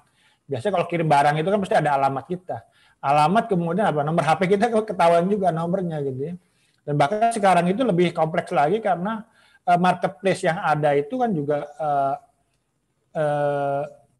mereka juga memberikan layanan atau produk baru, misalnya ada reksadana, ada juga uh, investasi emas segala macam gitu ya. Nah ini yang yang mungkin juga bisa ketika misalnya akun itu bo, uh, bobol atau bocor atau diambil orang, kerugian yang dia uh, alami konsumen itu juga tidak sekedar tadi username password, tapi juga bisa kerugian secara materi. Nah kalau kita lihat peran dari uh, government atau regulator itu seperti apa sih memang? Ada regulasi, compliance dan uh, juga uh, adalah bagaimana uh, standar gitu ya. Ya mungkin next mungkin agak dipercepat. Ini beberapa hal tentang data protection law. Jadi kalau kita memang masih terjangkit limited itu artinya bahwa kita memiliki tapi memang belum data secara lebih luas gitu ya. Jadi kalau misalnya telekomunikasi kita ada, misalkan setiap transaksi atau mungkin SMS yang kita kirimkan itu nggak boleh dibocorkan. Gitu. Jadi yang yang boleh mungkin menyadap pembicaraan kita, menyadap SMS kita itu hanya aparat penegak hukum dan itu kan juga uh, prosedurnya juga tidak mudah gitu ya. Nah ini mungkin ada, tapi ada hal-hal lain yang yang mungkin belum sampai secara detail kita uh, mengatur mana tadi uh, data yang dilindungi, kemudian juga eh, apa aturannya seperti apa, sanksinya seperti apa, secara lebih luas itu memang eh, masih terbatas. Mungkin sehingga eh, dengan keterbatasan ini tentu kita juga eh, perlu melihat juga nih dari beberapa negara gitu ya, eh, bagaimana negara-negara lain itu melindungi data pribadi dari eh, warga negaranya gitu ya. Ya mungkin next. Ini uh, beberapa hal, uh, beberapa negara, mungkin ada di Australia, kemudian Uni Eropa, Singapura, gitu ya. Ini bagaimana kalau Australia mereka memiliki privacy uh, commission, kemudian juga uh, kalau di Singapura mereka memiliki personal data protection commission, gitu ya, yang untuk uh, mengontrol data uh, proteksinya, gitu ya, dengan uh, uh, uh, aturan hukum yang tentu juga berbeda-beda. Kalau Australia ini dari 1988 nih, mereka punya Privacy Act segala macam gitu. Uh, Uni Eropa baru uh, dua tahun terakhir inilah eh, ada GDPR, General Data Protection Regulation, kemudian eh, Singapura mereka sudah memiliki eh, Personal Data Protection Act dari 2012. Nah, kita ini tadi disampaikan juga oleh Bapak Dr. Bayu Dwi Anggono bahwa ini juga lagi proses nih kita walaupun eh, naskah akademisnya sudah lama tapi prosesnya masih eh, berjalan. Kemarin masih pembahasan daf- daftar inventarisir eh, masalah masalah apa aja yang mungkin terjadi kemudian nanti disesuaikan dengan undang-undangnya. Mungkin next. Ya memang betapapun kita juga harus melihat beberapa dan undang RUU PDP ini salah satu acuannya itu adalah memang GDPR sebenarnya Gen- General Data Protection Regulation tapi kemudian dilokalisasi eh, untuk Indonesia. Jadi ini beberapa prinsip eh, bagaimana memproses eh, personal data. Jadi harus lawfully harus memang berdasarkan hukum juga. Harus fair, kemudian transparan, kemudian juga memiliki tujuan, akurat segala macam gitu ya. Termasuk juga eh, processing dat- personal data itu juga harus eh, akuntabel gitu. Ya next. Eh, Sebenarnya kalau kita lihat di ya nanti di PDP dan juga di eh, GDPR itu kita hampir mirip juga. Kita juga menggunakan data controller dan juga data processor. Jadi eh, pemproses data dan pengendali data. Nah, ini memang eh, eh, konsep ini memang eh, untuk kondisi Indonesia ini sangat penting nih nanti nih. Bagaimana kita bisa eh, mengendalikan, mengontrol data controller dan juga mengendalikan eh, data prosesor gitu ya. Karena kalau eh, ini tidak bisa dikendalikan atau tidak bisa diawasi, eh, RUU eh, PDP yang mungkin dihasilkan juga ini juga tidak tidak kuat. Tadi juga disampaikan Pak Dekan, kita memiliki eh, pengalaman yang tidak bagus, misalnya dengan Facebook, data pengguna kita bocor 1,3. Kebetulan saya menggugat ke Pengadilan Negeri Jakarta Selatan bersama teman-teman gitu ya. Tapi kemudian ini tidak bisa dikabulkan gitu kan. Eh, sebenarnya memang kebocoran data ini eh, kesulitannya itu kalau misalnya menyangkut adalah eh, penyedia platformnya ini tidak semua itu berasal dari Indonesia. Ya, Facebook itu kan dari luar, mereka tidak sampai terakhir sidang itu tidak memiliki kantor di Indonesia. Kemudian Twitter segala macam. Nah, ini bagaimana kita bisa mengontrol eh, mereka gitu ya. Next mungkin. Ini legislasi datanya tadi Cina, India, kemudian eh, UK mungkin bisa dibaca nanti next. Ini perbandingan eh, regulasi antara GDPR, Data Protection Bill, kemudian eh, e-privacy regulation. Mungkin ini teman-teman Pak Hermanto mungkin bisa lebih detail tentang ini. Kemudian next. Eh, ini tentang apa yang ada di eh, GDPR sebenarnya. Jadi GDPR itu menyangkut tadi right to access, right to rectification, right to erasure. Ini eh, eh, bagaimana pembagian di eh, GDPR eh, yang mungkin juga kemudian nanti akan kita adopsi dalam uh, undang-undang kita gitu. Walaupun mungkin kalau uh, sanksi atau dendanya mungkin bisa jadi nanti akan uh, berbeda gitu. Ya next. Ya, mungkin ini bagian terakhir dari uh, satu halaman sebelum terakhir. Jadi uh, sebenarnya kalau kita bicara uh, pelindungan data pribadi, nah ini menjadi hal-hal yang uh, hak kita sebenarnya. Jadi kita juga uh, berhak untuk diinformasikan. Katakanlah misal ini data data kita, uh, bisa katakan gini. Jadi sekarang ini banyak uh, ketika kita mengakses satu website, itu website itu dipasang cookies gitu. Jadi cookies ini kan kadang-kadang suka mengambil data kita secara kita nggak tahu gitu ya. Jadi uh, untuk agar komplain misalnya di, di GDPR uh, ada aturan bahwa kalau anda memasang cookies, anda harus ngasih tahu ke penggunanya bahwa uh, website ini ada cookiesnya. Jadi uh, kita setuju atau enggak uh, untuk uh, cookies dipasang di di apa di laptop kita gitu ya atau atau seperti apa. Kalau kita oke kita jalankan kalau enggak ya enggak, enggak boleh gitu. Ini harus diinformasikan secara uh, jelas kepada pengguna. Kemudian juga kita juga punya hak untuk uh, mengakses data kita gitu ya. Kemudian juga hak untuk rectification, uh, hak untuk misalkan ada data yang enggak akurat nih tentang kita segala macam itu bisa kita juga data enggak akurat nih. Tolong uh, di, dibenerin itu bisa. Kemudian juga hak untuk dihapus. Nah, ini banyak banyak sekali terjadi misalnya kita mengirim lamaran nih. melalui LinkedIn, Glassdoor atau apa kita kita kirim lamaran, kita nggak tahu kan kadang-kadang eh, karena lamaran atau CV itu lengkap itu tanggal kerjaan kita sekarang perjalanan hidup kita gitu ya kita submit ke seseorang ke sebuah lembaga atau perusahaan nah, kita nggak tahu nih datanya diapain oleh mereka karena bisa jadi disalahgunakan juga banyak gitu ya. Misalnya banyak eh, tender-tender pemerintahan atau tender-tender yang membutuhkan sertifikat keahlian segala macam. Ini bisa dimanfaatkan untuk hal-hal tersebut. Jadi kita nggak diajak untuk eh, proyeknya, tapi data kita eh, diambil. Si pengguna harus dikasih tahu data anda ini akan di retain, akan dipertahankan sampai tiga bulan, misal gitu. ya. Setelah data tiga bulan ya ada itu harus di, di, dihapus gitu. Kemudian juga restriction of process processing. Jadi nggak semua data itu memang harus eh, apa namanya ya prosesnya tidak ada restriksi lah. Semua pemproses bisa ngambil data kita. Ini dalam kasus misalnya data eh, kebocoran data Facebook gitu ya. Facebook kerjasama dengan pihak ketiga, kemudian pihak ketiga itu mengambil data konsumennya, mengambil data pengguna Facebook yang dipakai untuk misalnya mempengaruhi dia dalam proses uh, pemilihan presiden Amerika pada saat itu gitu ya. Kemudian juga ada uh, right to data portability. Jadi kita juga misalnya kita punya perusahaan, kita menaruh menempatkan misalnya data kita di mungkin di server sebuah perusahaan lainnya gitu ya. Kadang-kadang kita nggak memiliki server sendiri tapi server perusahaan lain. Kadang-kadang ketika uh, kita mau pindah mau pindah apa mau pindah penyedia uh, layanannya susah nih. Ini susah gitu ya. Data kita seolah-olah diambil atau tersandera kan gitu. Nah ini nggak nggak boleh. Jadi uh, kalau berdasarkan hak kita di GDPR itu bahwa data ini harus bisa kita pindahkan dari satu tempat ke tempat lain, dari satu mungkin satu perusahaan ke perusahaan uh, lainnya gitu ya.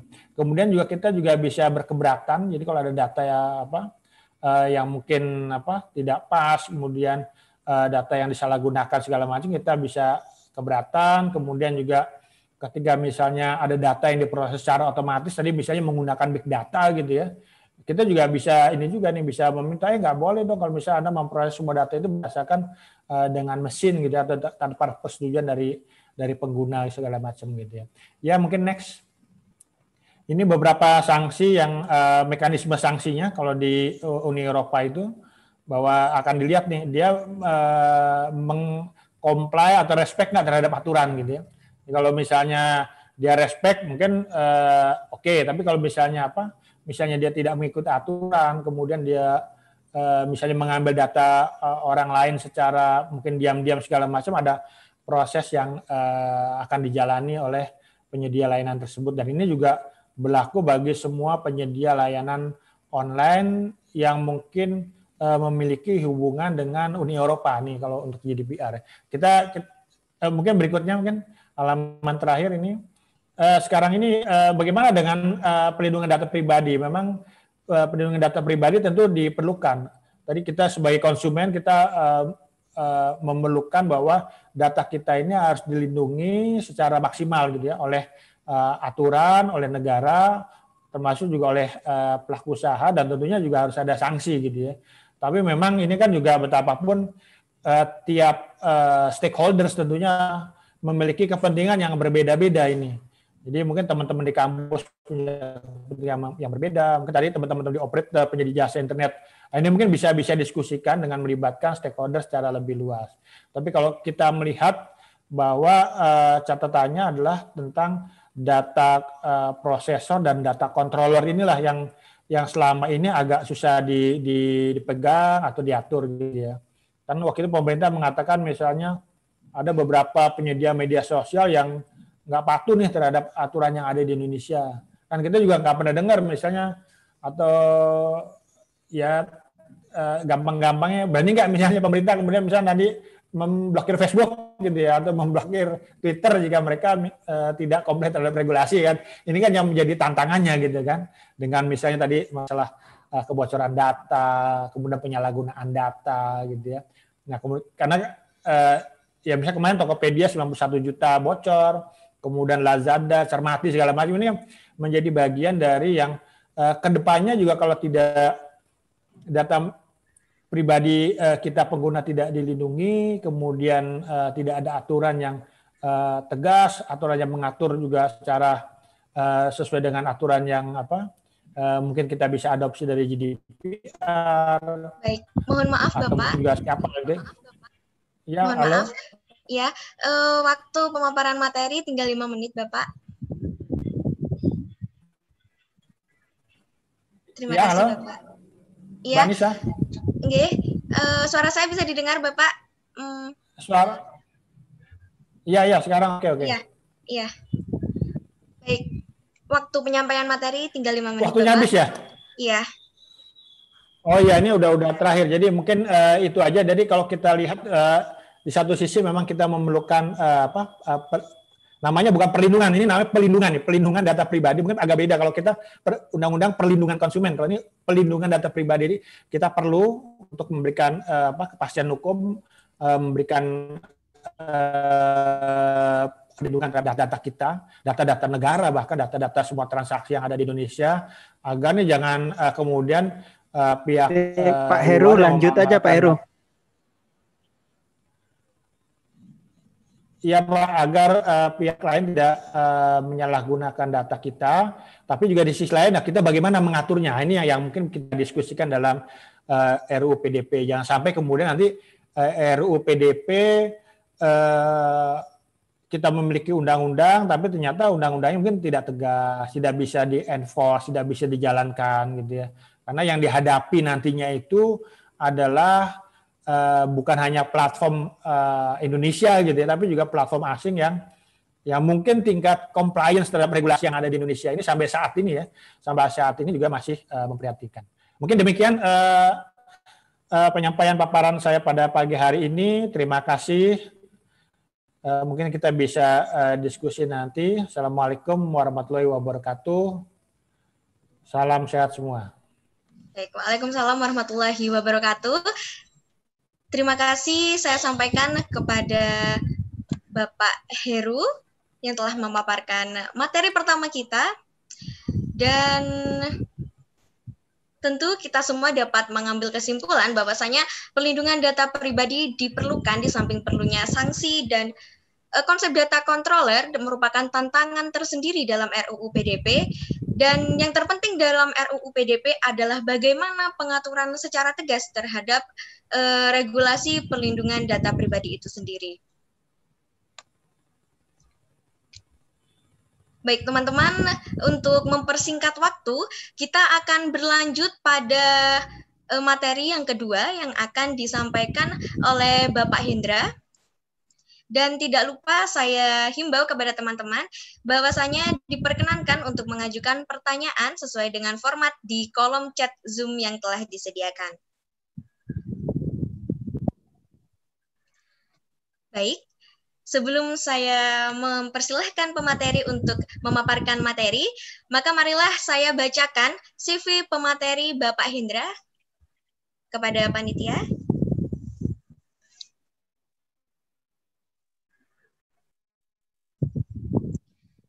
Bapak Hendra J. Kede STMH merupakan Wakil Ketua Komisi Informasi Pusat Republik Indonesia periode 2017 sampai 2021. Beliau menempuh pendidikan S1 Teknik Kimia UPN Veteran Yogyakarta pada tahun 2003. Beliau merupakan S2 Magister Hukum STIH Iblam Jakarta 2011. Baik, langsung saja saya persilahkan kepada Bapak Hendra untuk menyampaikan materi yang kedua.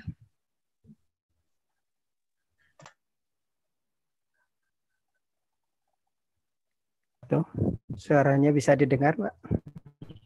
Karena di sini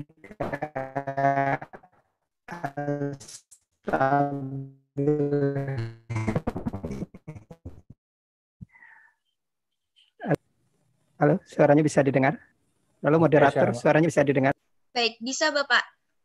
Oh ya, terima kasih. Bismillahirrahmanirrahim. Assalamualaikum warahmatullahi wabarakatuh. Alhamdulillahirrahmanirrahim. Wassalatu wassalamu ala asrafil anbiya wal mursalin wa ala alihi wa sahbihi rasulillah ajma'in. Asyhadu an la ilaha illallah wahdahu la syarikalah wa asyhadu anna Muhammadan abduhu wa rasuluhu la nabiyya ba'dah. Rabbi israh li sadri wa amri wahlul 'uqdatam min lisani yafqahu qawli. Pak Heru, Pak Hermanto, Pak Dekan, panitia, adik-adik mahasiswa yang saya hormati. Pertama, selamat ya Dies Natalis kelompok studinya. Uh, saya tadi sebenarnya pas Pak Heru tadi nyampaikan materi pas dipotong moderator, saya bilang terus saja Pak materinya bagus karena saya uh, sampai setengah jam pasti, jadi boleh pakai materi saya. Uh, silahkan ditampilkan materinya, Mbak.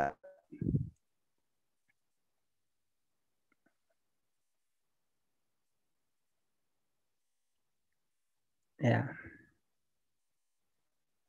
Uh, Bapak, Ibu, adik-adik semuanya, sebagaimana komunikasi saya dengan panitia kemarin, saya menyatakan saya tidak punya kapasitas uh, untuk berbicara tentang konten uh, materi RUU PDP yang sedang dibahas oleh Komisi 1 DPR. Mitra dari Komisi Informasi Pusat di DPR juga adalah Komisi 1. Karena itu saya hanya akan berbicara uh, perlindungan data pribadi ini dalam pers per, perspektif rejim keterbukaan informasi publik yang juga merupakan hak konstitusional yang diatur oleh pasal 28 juga Undang-Undang Dasar di bawah payung eh, hak azazi manusia juga cuma hurufnya aja yang beda. Kalau eh, keterbukaan informasi publik di pasal 28F. Sehingga saya berharap tentu saja untuk membahas lebih detail tentang uh, konten uh, Undang-Undang PDP, walaupun kami dilibatkan secara intens gitu ya oleh uh, perumus uh, seperti Pak Henry Subiakto. Sebenarnya saya merekomendasikan yang bicara ini Pak Henry Subiakto, bukan saya gitu, Profesor Henry Subiakto, Wakil Ketua Pemerintah dalam penyusunan Undang-Undang uh, RUU perlindungan data pribadi. Nah, karena itu saya membatasi perbincangan saya uh, terkait perlindungan data pribadi ini dalam payung per, atau perspektif rejim keterbukaan informasi publik, di mana saya memang diamanahkan oleh negara untuk mengawal hak konstitusional masyarakat terkait hak atas informasi itu uh, sebagai wakil ketua. Sebagai pengantar begini, ketika pasal 28F itu um, mengatur tentang hak publik untuk tahu, kemudian dilanjutkan dengan lahirnya Undang-Undang Nomor 14 Tahun 2008 tentang keterbukaan informasi publik. Substansi dasarnya adalah tentang mana informasi yang boleh di yang harus dilindungi oleh negara. Kita berbicara tentang perlindungan data pribadi, tentu eh, pokok bahasan dalam rejim keterbukaan informasi publik ini adalah terkait dengan informasi mana saja yang wajib dilindungi oleh negara. Lebih spesifik lagi, informasi pribadi mana saja yang wajib dilindungi oleh negara.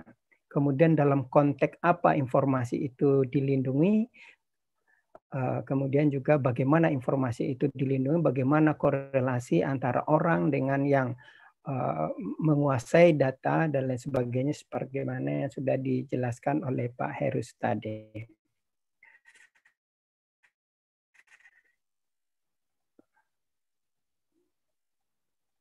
Next ke anu aja Mbak, langsung ke halaman uh, 7.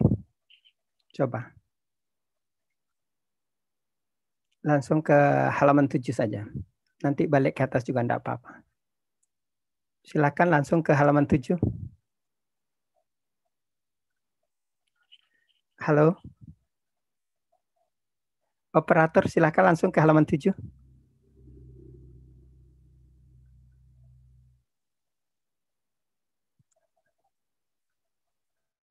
Operator Tolong langsung ke halaman 7 saja. PWT PowerPoint saya. Ah, ya. Begini, jadi saya ingin bercerita sedikit sebelum kita uh, apa uh, Jadi pada saat amandemen Undang-Undang Dasar Republik Indonesia sebenarnya terjadi perubahan rejim yang luar biasa terkait dengan bagaimana informasi publik itu dikelola, termasuk dan tidak terbatas kepada informasi terkait dengan data pribadi.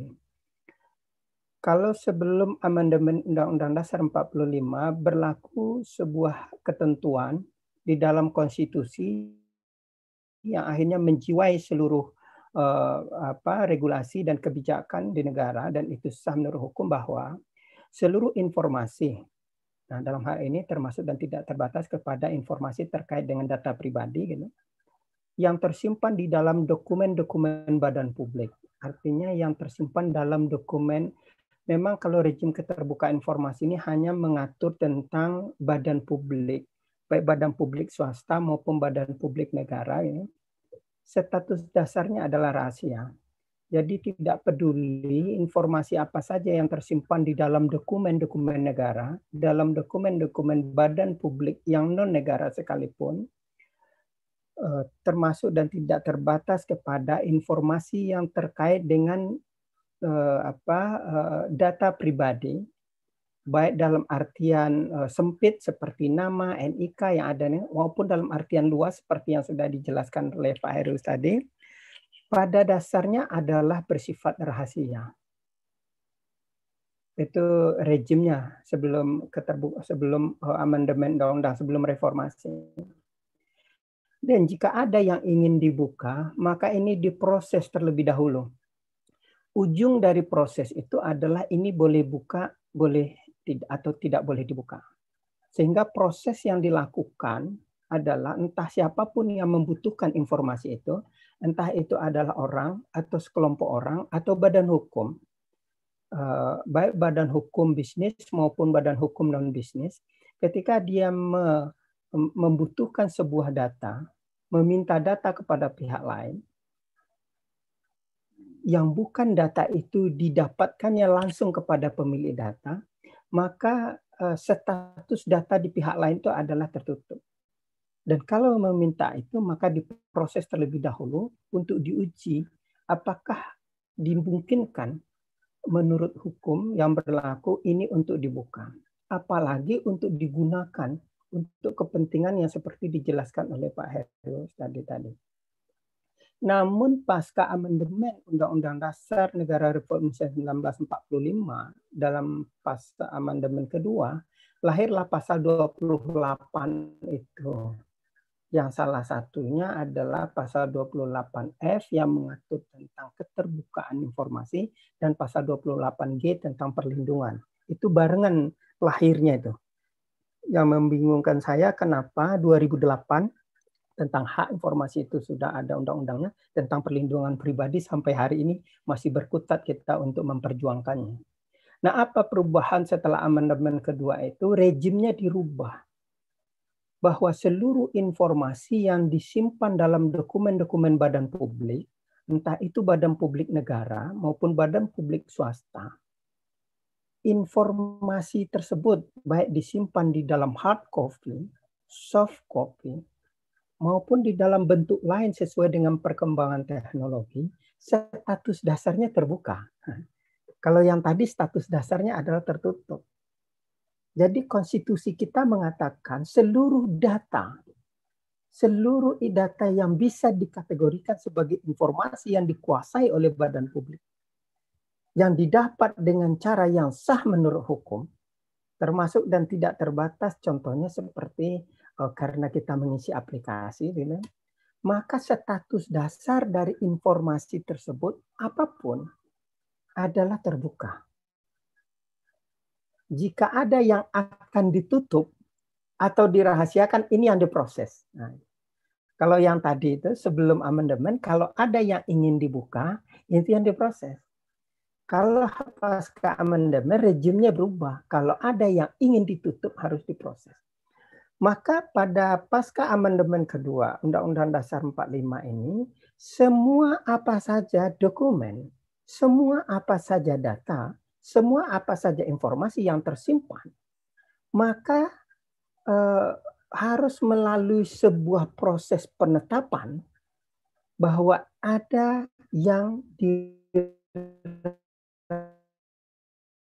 dirahasiakan, bahwa ada yang tidak boleh diakses. Nah, ya boleh orang, boleh badan publik yang lain. Itu ujungnya adalah ada penetapan bahwa informasi tersebut boleh diakses atau tidak boleh diakses. Informasi tersebut boleh untuk ditutup. Nah, itu saya koreksi tadi. ya. Nah, bagaimana dengan data pribadi orang?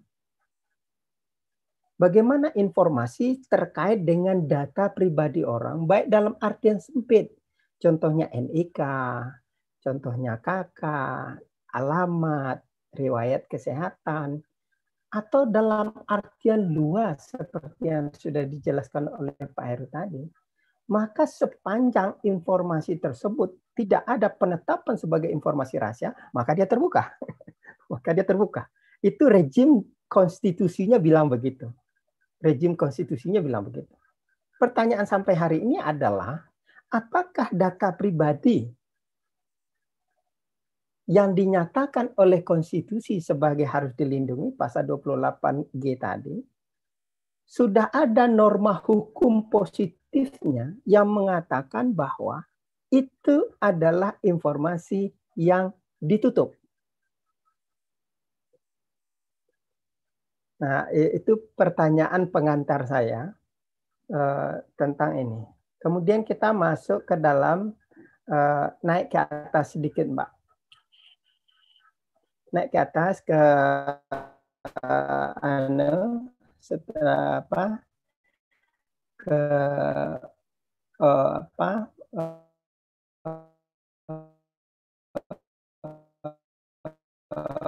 uh, Bentar.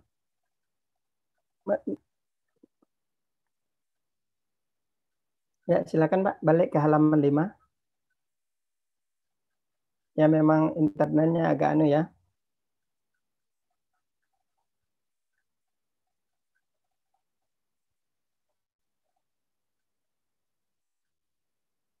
Bisa balik ke halaman 5?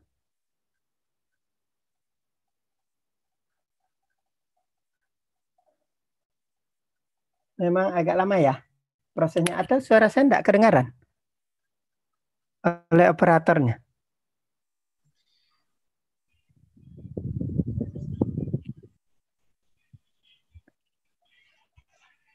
Hal apa suara saya nggak kedengaran ya? Suara suara Bapak terdengar, Pak. Mungkin ada kendala di operator. Bagaimana operator? Ya, kalau begitu tolong sambil ditunggu saya bercerita tentang uh, poin-poin halaman 5 tadi. Makna dari berubahnya rejim pengelolaan informasi ini adalah bahwa semenjak lahirnya amandemen kedua Undang-Undang Dasar 45 ini, maka konstitusi mengakui hak azazi masyarakat sebagai oh, hak atas informasi sebagai hak azazi manusia dan memberikan hak konstitusional baru kepada masyarakat itu. Karena itu maka di satu sisi ada hak konstitusi yang dimiliki oleh warga negara atas informasi. Tentu saja di sini adalah hak masyarakat untuk mendapatkan informasi data pribadi orang lain. Seharusnya begitu. Tetapi ada juga pengaturan yang mengatakan bahwa tidak semua informasi itu boleh dibuka. Sehingga harus ada penetapan sebagai informasi yang dikecualikan. Yang kedua, bahwa terkait dengan adanya hak konstitusi masyarakat untuk tahu tersebut, maka tidak boleh ada penyelenggara negara, maka tidak boleh ada regulasi yang mengurangi sedikit pun hak masyarakat untuk tahu ini. Termasuk dan tidak terbatas tentu pada data pribadi siapa pun sepanjang itu belum ditetapkan sebagai informasi yang dirahasiakan. Maka pertanyaan yang muncul dalam rejim keterbukaan informasi ini adalah apakah data pribadi tersebut sudah dinyatakan sebagai hak masyarakat yang ditutup oleh regulasi. sampai detik ini tentu kesimpulan kita uh, seperti yang disampaikan Pak Heru tadi, belum ada. Next.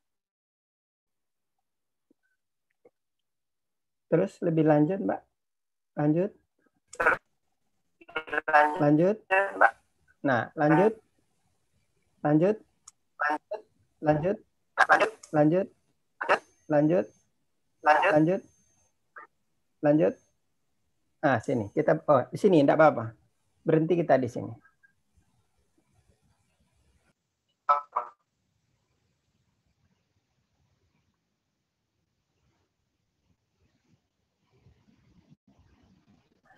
Maka atas pertanyaan tadi, masih yang dimiliki oleh sesuatu adalah bersifat terbuka pada publik baik negara bukan ada sifat terbuka, maka sepanjang tidak dinyatakan sebagai informasi rahasia, maka, maka dia adalah informasi yang boleh diakses oleh siapa pun. Sehingga pertanyaan kita adalah ketika data yang dimiliki oleh Facebook, data pribadi yang dimiliki oleh lain-lain perusahaan yang diberikan secara sukarela oleh uh, warga negara, apakah informasi yang dimiliki itu adalah informasi yang terbuka atau informasi yang dikecualikan? Kita perhatikan informasi yang terbuka sudah diklasifikasikan seperti yang di sebelah uh, kiri saya.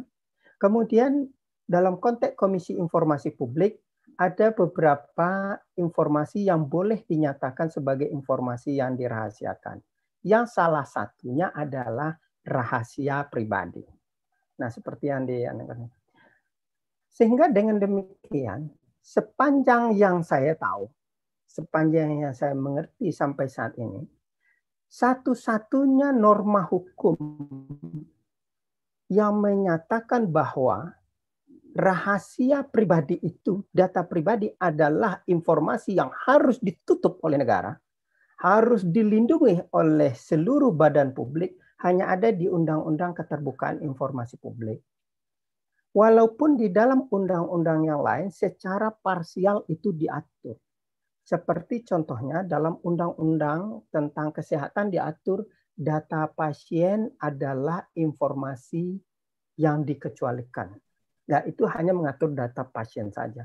Tapi kalau kita berbicara dalam perspektif yang dijelaskan oleh Pak Heri tadi, demikian luasnya ketika kita berbicara tentang data pribadi yang terkait dengan rahasia pribadi, maka eh, di undang-undang pasal undang-undang keterbukaan informasi publik inilah pengaturan yang sejauh ini ada. Coba Bapak, Ibu dan adik-adik pertimbangkan. Pernahkah kita dihubungi? Kalau saya kemarin dihubungi oleh salah satu perusahaan yang saya tidak tahu, kemudian mengatakan bahwa saya mendapatkan fasilitas A, B, C, dan D untuk mendapatkan fasilitas itu dia tidak lagi meminta data saya. Tapi dia hanya mengkonfirmasi. Apakah nama Bapak memang Hendra? Apakah nomor NIK Bapak sekian ini ini? Apakah uh, ibu kandung Bapak ini? Itu semuanya adalah rahasia yang saya tidak tahu entah di mana dia dapatkan uh, data itu. Saya sampaikan pada mereka, dari mana Anda dapatkan data saya itu? Dia bilang, ya kami bekerja sama dengan pihak A, B, dan C, sehingga sekarang kami menghubungi Bapak. Sampaikan dalam konteks rahasia pribadi, ini Anda sudah melanggar Undang-Undang nomor 14 tahun 2008 tentang keterbukaan informasi publik, yaitu terkait dengan informasi yang harus dilindungi. Saya belum mampu mengatakan bahwa Anda sudah mencuri rahasia saya, eh, data saya, bahwa Anda sudah melanggar hukum yang melindungi saya. Kenapa? Karena memang belum ada undang-undang yang mengaturnya itu. Kalau sudah ada, mungkin kita tidak perlu melakukan seminar nasional hari ini. Next, Mas. Next. Nah, kemudian uh, saya lah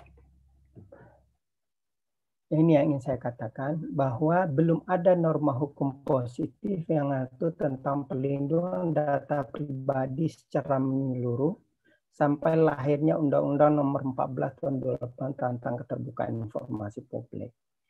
Artinya sampai dengan tahun 2008 rakyat Indonesia tidak memiliki sebuah norma hukum yang secara komprehensif bisa dirujuk sebagai sebuah norma tentang bahwa data pribadi terlepas dari bagaimana mendefinisikan apa itu data pribadi sesuai dengan perkembangan waktu dan dan teknologi yang uh, bisa melindungi itu. Uh, yang ada adalah parsial-parsial seperti di undang-undang kependudukan, di undang-undang uh, kesehatan dan lain sebagainya. Nah, dalam Undang-Undang Nomor 14 Tahun 2008 ada satu klausul yang mengatakan bahwa pasal 7, 17 bahwa data pribadi merupakan informasi yang dikecualikan. Artinya apa?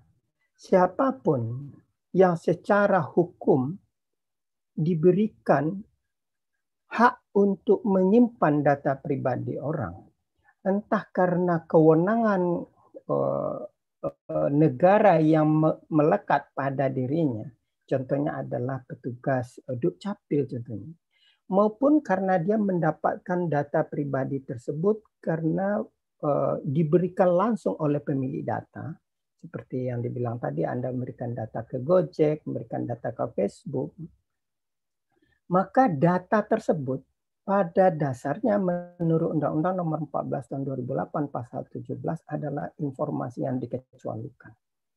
Artinya apa? Hanya institusi yang diberikan data itu oleh hukum seperti Dukcapil maupun institusi yang diberikan data itu yang dibenarkan oleh hukum karena mendapatkan persetujuan dari eh, pemilik data hanya itulah yang boleh menggunakan, memproses, dan menyimpan data itu, dan tidak boleh digunakan untuk pengguna data yang lain melalui prosedur apa pun. Kalau dalam konteks Undang-Undang Nomor 14 tahun 2008, prosedur permohonan informasi pun tidak memberikan hak kepada pemohon informasi, entah itu warga negara maupun badan hukum, untuk diberikan data pribadi orang yang dimiliki oleh badan hukum negara maupun bukan. Sehingga kalau ada sebuah data yang kita miliki di perbankan contohnya, kemudian data itu bisa diakses oleh orang, sebagaimana Pak Ilham Bintang bisa diakses datanya oleh uh, orang lain sehingga bisa dirubah nomor PIN uh, apa nomor uh, handphonenya, kemudian bahkan bisa mengambil apa uh, uh, sejumlah uang yang ada di rekening Pak Ilham melalui uh, apa SMS banking sesungguhnya itu tidak boleh dimiliki menurut Undang-Undang Nomor 14 Tahun 2008. Lanjut, Mas. Lanjut.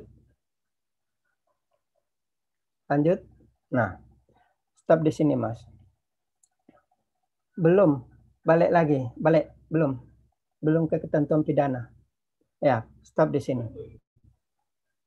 Uh, pasal 17 huruf H Undang-Undang Nomor 14 seperti yang saya ceritakan, saya sampaikan tadi, tidak uh, melindungi uh, uh, data pribadi yang dimiliki oleh konsumen, cuma belum secara spesifik mengatur bagaimana data itu dilindungi, bagaimana uh, hal-hal teknis tentang pengelolaan data itu sebagaimana yang disediakan oleh Pak Heru tadi. Nah, satu lagi adalah di dalam pasal 17 uh, eh, ini diatur lupa saya menulisnya di sini tadi adalah informasi yang dinyatakan oleh undang-undang organiknya sebagai informasi yang dirahasiakan dari pemohon informasi. Nah, apa undang-undang organik? Nah, di sinilah topik kita hari ini. Komisi Informasi dalam beberapa kesempatan berdasarkan kepada analisa yang dilakukan secara internal oleh keluarga besar Komisi Informasi, berdasarkan diskusi-diskusi yang dilakukan oleh para pemangku kepentingan keterbukaan informasi, merasa penting dilahirkannya sebuah undang-undang yang mengatur lebih detail untuk mengatur bagaimana data pribadi ini diatur. Sehingga dalam perspektif rejim keterbukaan informasi, undang-undang itu akan dipandang sebagai undang-undang organik untuk melindungi data pribadi. Dalam rejim keterbukaan informasi dibahasakan bahwa informasi terkait dengan data pribadi merupakan informasi yang dikecualikan dari terbuka karena rejimnya adalah semua terbuka itu bukan saja karena merujuk kepada pasal 17 huruf H yang mengatakan itu informasi pribadi sebagai informasi dikecualikan, namun berharap juga bahwa itu dikecualikan karena diatur oleh sebuah undang-undang organik. Nah, undang-undang organik inilah yang kita harapkan bernama Undang-Undang Perlindungan Data Pribadi. Yang sekarang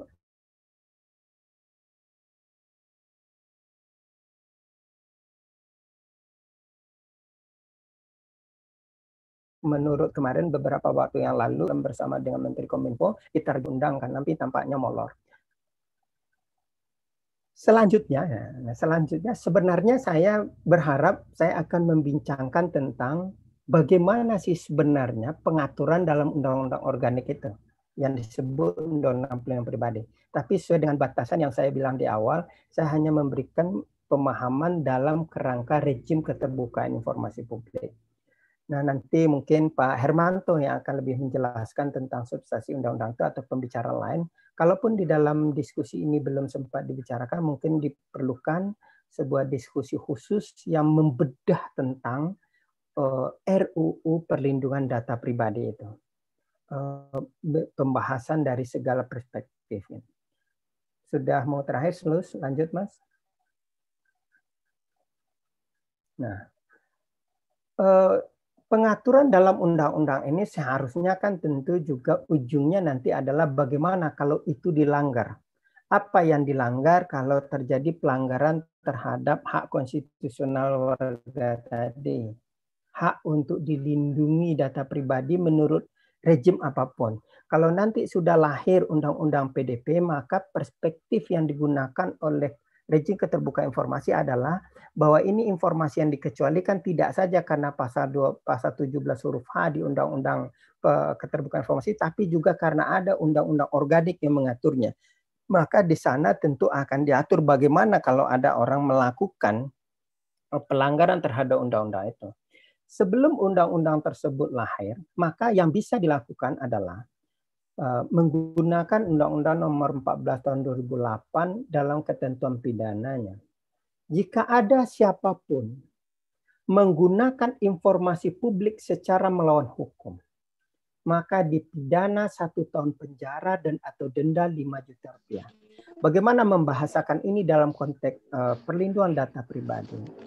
Maka siapa saja yang secara melawan hukum menggunakan informasi pribadi warga negara untuk kepentingan apa pun tanpa izin dari warga negara tersebut.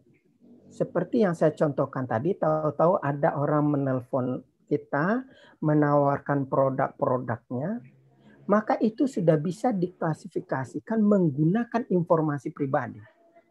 Kenapa? Karena dia menggunakan informasi kita tidak lagi menawarkan, tetapi hanya mengkonfirmasi apakah benar kita yang memiliki data ini.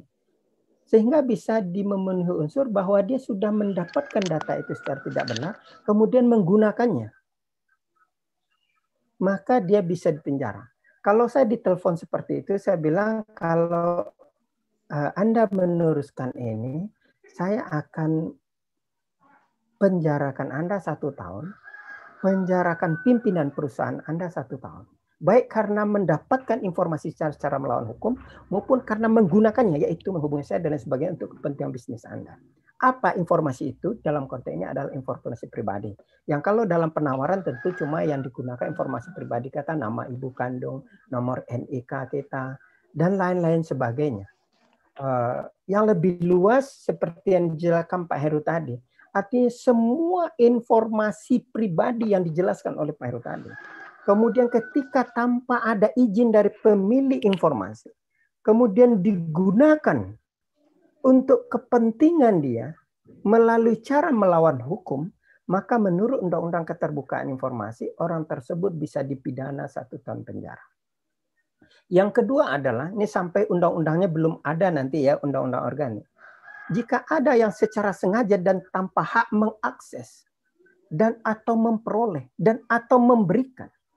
Sehingga nanti begini, kalau Anda memberikan informasi kepada Facebook, kemudian ada orang menggunakan informasi yang Anda berikan kepada Facebook itu untuk eh, kepentingan lain tanpa izin dari Anda, maka dia bisa dikategorikan sebagai orang yang mengakses informasi kepada penguasa informasi Anda yang Anda berikan hak yaitu Facebook tanpa izin atau dia memperolehnya dengan cara melawan hukum baik karena menyogok maupun karena membeli atau apa saja kedua belah pihak atau karena memberikan nah Facebook tadi informasi yang dikecualikan pada pasal 17 termasuk huruf H itu informasi pribadi dipidana 2 tahun penjara atau denda 10 juta. Pasal 54 ayat 1. Namun ini semua adalah delik aduan. Jika tidak diadukan maka tidak ada apa? Tidak ada orang yang merasa dirugikan, maka tidak bisa diproses hukum.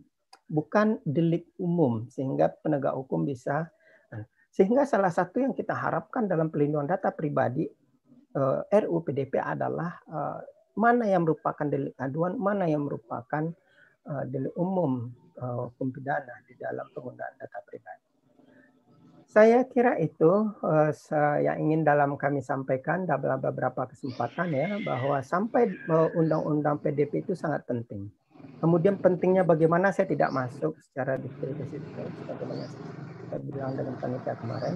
Kemudian bagaimana dengan RUU PDP sekarang saya juga tidak masuk. Namun sampai dengan Undang-Undang Perlindungan Data Pribadi itu lahir, maka seluruh pelanggaran penggunaan data pribadi bisa diproses hukum, eh, bisa dipidana, bisa diproses perdata juga dengan mengundangkan Undang-Undang Nomor 14 Tahun 2008 khususnya pasal 17. Kalau nanti sudah lahir Undang-Undang PDP, maka dia menjadi undang-undang organik yang bisa uh, dengan Undang-Undang Nomor 14 Tahun 2008. Nah, karena itu sekali lagi Komisi Informasi termasuk Komisi Informasi di semua tingkatan termasuk stakeholder, termasuk komunitas yang bergerak di dalam uh, uh, mendorong keterbukaan informasi juga menghimbau dan mendorong agar segera dilahirkan undang-undang yang mengatur bagaimana perlindungan data pribadi yang diamanahkan oleh Undang-Undang Nomor 14 Tahun 2008 sebagai informasi yang dikecualikan. Tidak saja merujuk kepada huruf 8 pasal 28 pasal 17 huruf A, namun juga kita harapkan nanti setelah lahirnya undang-undang organik ini juga uh, merujuk ke sana. Dalam konteks itu uh, saya berharap semua kita seperti yang disampaikan Pak Dekan tadi di awal bisa bersama-sama mendorong agar perlindungan data pribadi bisa segera diundangkan. Karena begitu dahsyatnya implikasinya seperti yang diserahkan Pak Ero bahkan terakhir saya beranu contoh sebagai penutup dalam bisnis gitu ya berapa orang yang punya kemampuan membeli HP Samsung A70 contohnya nah ini uh, bisa dipotret dari uh, data big data tadi itu oh di Indonesia ada kurang lebih 50 juta orang yang potensial memiliki kemampuan ekonomi dan memiliki kebutuhan uh, uh, alat komunikasi Samsung A70 contohnya kayak begitu. Maka Samsung tinggal produksi itu dan begitu juga tentang obat. Berapa orang Indonesia yang berpotensi 10 tahun lagi mengalami uh, apa diabetes. Nah, sehingga perusahaan-perusahaan luar negeri sudah melakukan persiapan untuk itu. Dan lain sebagainya termasuk juga berapa rakyat Indonesia yang akan uh, apa uh, mengalami ini dan itu pada 10 tahun yang akan datang. Berapa pupuk yang dibutuhkan itu tidak perlu lagi melakukan riset, cukup dengan mengambil big data saja. Next dan kayaknya sudah penutup ya. Next, Mas. Uh, ini tidak usah. Lanjut. yang penutup aja. Lanjut, mana Mas? Kok enggak muncul?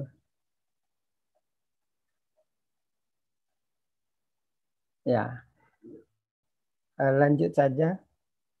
Saya ke penutup yang bukan penutup maksudnya slide terakhir nah ini. Jadi begini. Oh, belum, yang ini aja. Narsis sedikit boleh ya Mbak moderator ya, ini saya. Kepada teman-teman mahasiswa ada 259 peserta dan akademisi. Kami di Komisi Informasi Pusat mendorong keterbukaan dan ketertutupan. Artinya mendorong yang terbuka itu harus terbuka, yang tertutup harus ditutup. Dalam konteks yang harus ditutup, salah satunya adalah data pribadi. Kami dorong lahir Undang-Undang PDP. Yang terbuka harus terbuka.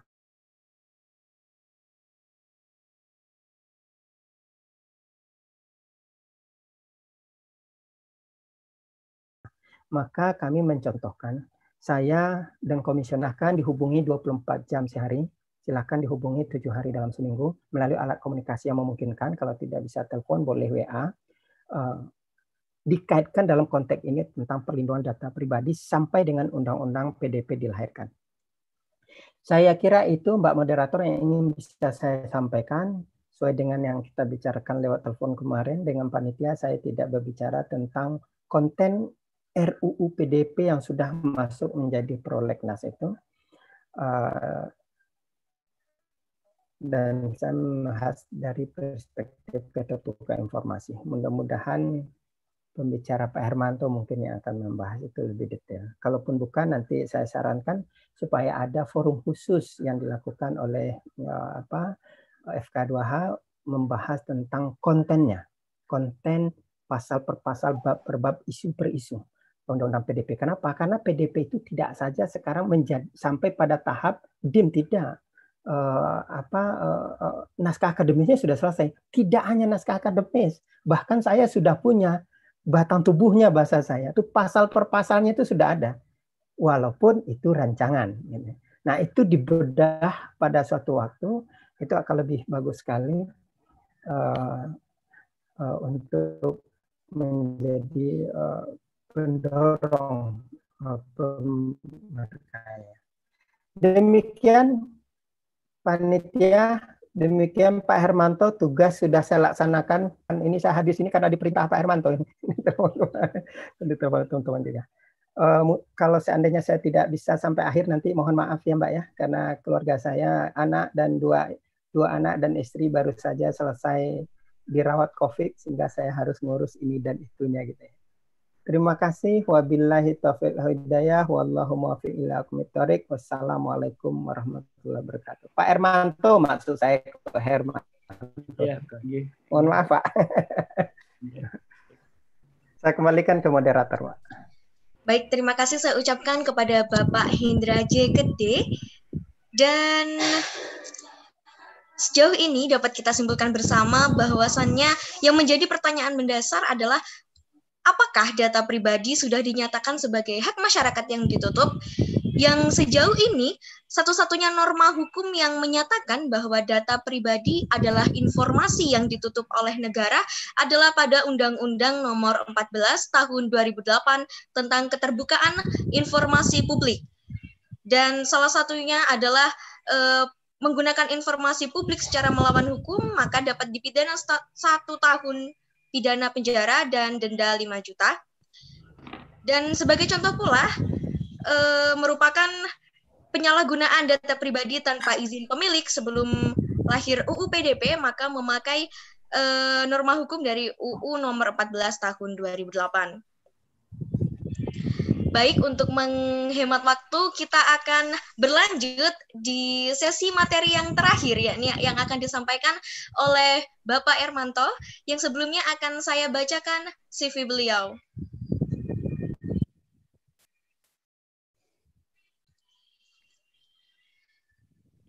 Bapak Ermanto Faham Syah SHMH merupakan pengamat hukum perlindungan konsumen pasca sarjana Fakultas Hukum Universitas Jember. Dan beberapa kiprah karir beliau, beliau merupakan staf ahli DPR RI pada tahun 2010 dan juga merupakan konsultan hukum di beberapa lembaga dan merupakan dosen Fakultas Hukum di beberapa universitas yang salah satunya adalah Universitas Jember. Pendidikan yang telah ditempuh beliau Doktor Ilmu Hukum Ekonomi Universitas Indonesia pada tahun 2013, Magister Hukum Ekonomi Universitas Indonesia pada tahun 2008, dan Sarjana Hukum Universitas Jember pada tahun 2002. Baik, sebelumnya saya menginformasikan kepada teman-teman bahwasanya teman-teman diperkenankan untuk mengajukan pertanyaan dengan format tertera di kolom chat Zoom dan kepada yang terhormat pemateri kita yakni Bapak Ermanto saya menginformasikan bahwasanya pemaparan materi berdurasi 30 menit. Kepada Bapak Ermanto disilahkan untuk memaparkan materi.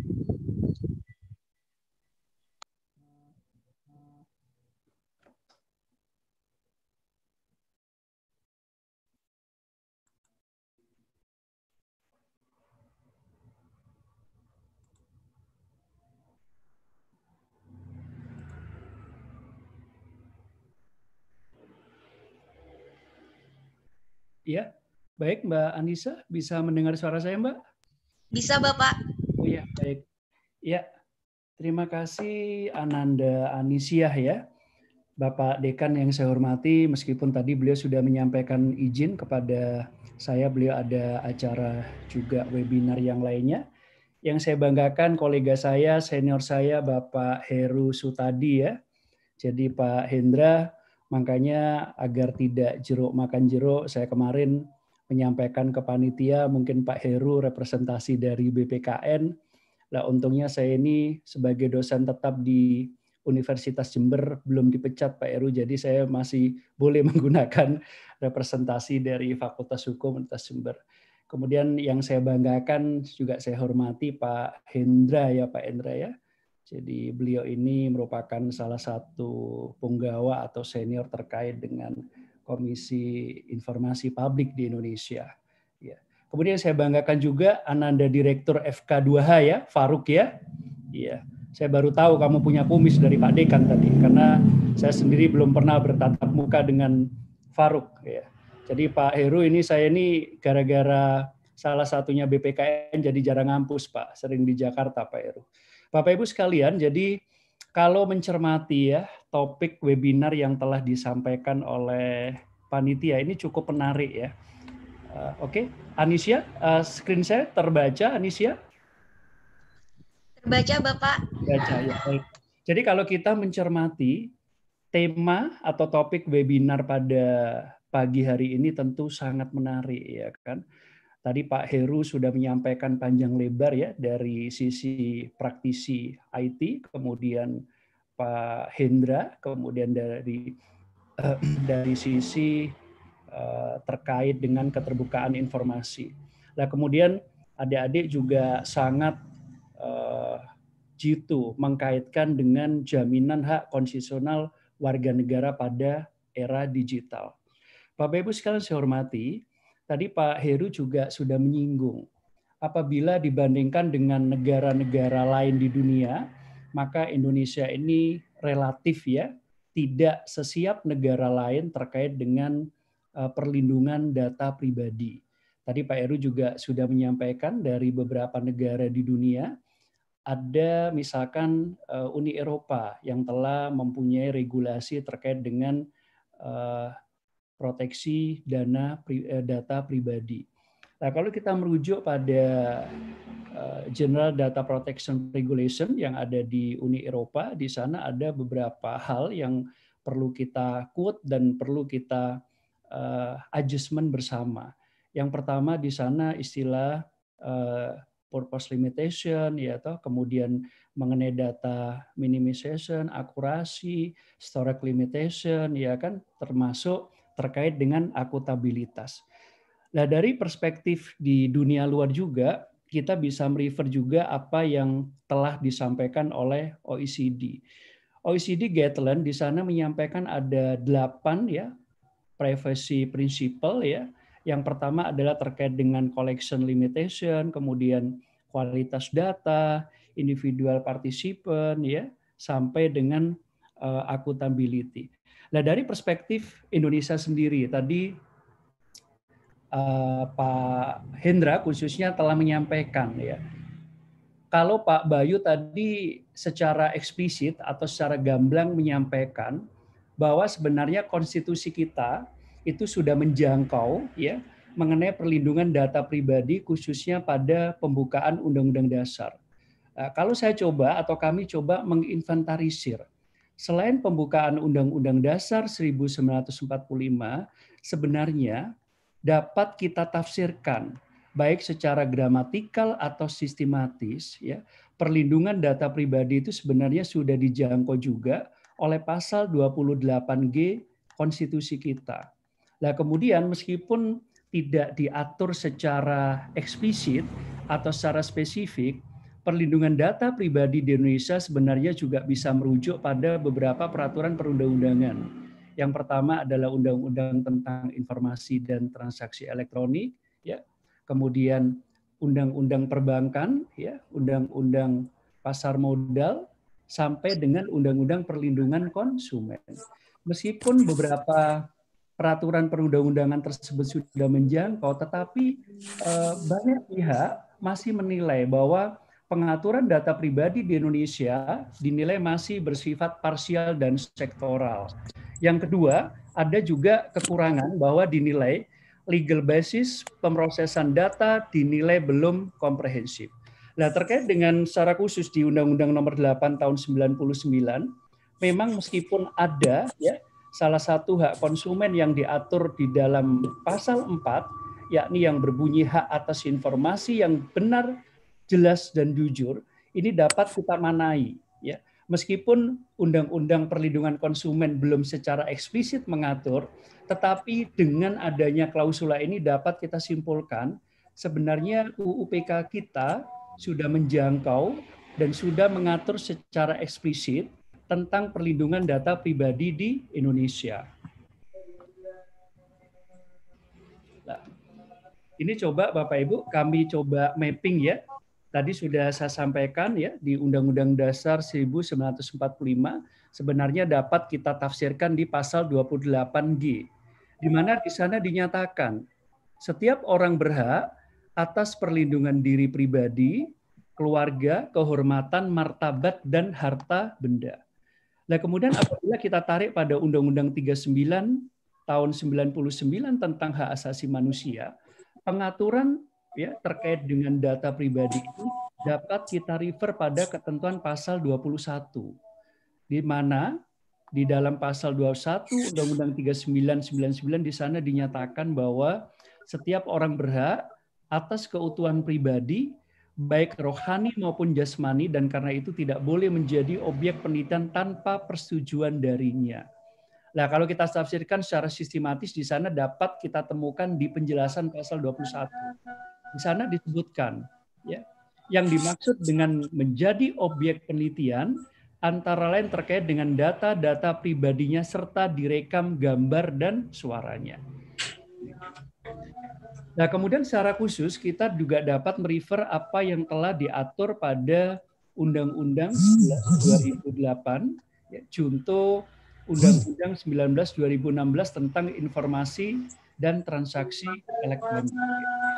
Jadi kalau kita lihat penormaan di dalam pasal 26 ini, ya meskipun dari secara khusus, tetapi di pasal 26 ini menarik untuk kita cermati Bapak Ibu sekalian. Di sana dikatakan, ya, kecuali ditentukan lain oleh peraturan perundang-undangan, penggunaan setiap informasi melalui media elektronik yang menyangkut data pribadi seseorang harus dilakukan atas persetujuan orang yang bersangkutan. Nah ini yang ke depan. Tadi Pak Heru, kemudian Pak Hendra juga menyampaikan bahwa di Indonesia sampai saat ini belum mempunyai undang-undang perlindungan data pribadi. Dan kalau kita merefer tadi apa yang telah disampaikan oleh Pak Dekan, Dr. Bayu Dwi Anggono, beliau menyampaikan sebenarnya kalau kita melihat eh, perjalanan ya dari proses inisiasi ya atau pembentukan RUU PDP ini dimulai sejak tahun 2016. Artinya empat tahun lalu. Kalau saya pribadi sebenarnya kalau undang-undang eh, PDP ini misalkan berhasil disahkan ya, kemudian diundangkan pada tahun 2020 ataupun 2021, ini merupakan pencapaian cukup bagus Bapak Ibu sekalian. Artinya apa? Ini mungkin dari komitmen pemerintah bersama DPR memandang bahwa perlindungan data pribadi dalam bentuk suatu undang-undang khusus dinilai sangat penting. Bapak Ibu sekalian saya hormati, sebenarnya Eh, meskipun kita belum mempunyai undang-undang yang secara khusus mengatur mengenai perlindungan data pribadi, ya, perdagangan melalui sarana elektronik di Indonesia itu sudah diatur, Bapak Ibu sekalian. Tetapi levelnya ya di dalam bentuk PP, ya, yakni PP 80 tahun 2019 tentang perdagangan melalui sistem elektronik. Dan ini kalau kita lihat memang political will pemerintah ya terkait dengan PMSE khususnya mengenai perlindungan data pribadi ini saya pribadi menilai sangat kuat ya. Karena apa? Eh, Presiden sendiri berstatement bahwa beliau menyampaikan ya eh, bahwa ya beliau menyampaikan saya juga minta mulai ditempuh kebijakan penyetaraan level of playing field bagi pelaku usaha konvensional maupun e-commerce untuk mengoptimalkan penerimaan pajak di era digital saat ini. Presiden memandang Bapak Ibu bahwa salah satu instrumen ya untuk mendorong ya sekali lagi Presiden berpandangan ya salah satu instrumen hukum untuk terus mendorong berkembangnya usaha konvensional maupun e-commerce ya salah satunya adalah pembentukan regulasi atau peraturan perundang-undangan salah satunya adalah menyangkut perlindungan data pribadi. Dan Bapak Ibu sekalian kalau kita melihat ya perkembangan transaksi elektronik khususnya di Indonesia ini cukup menarik. Apabila dibandingkan negara-negara di dunia, ya pertumbuhan e-commerce di Indonesia itu ya berdasarkan survei yang ada itu tercepat, Bapak Ibu sekalian ya. Di sana pertumbuhannya mencapai 78 persen ya.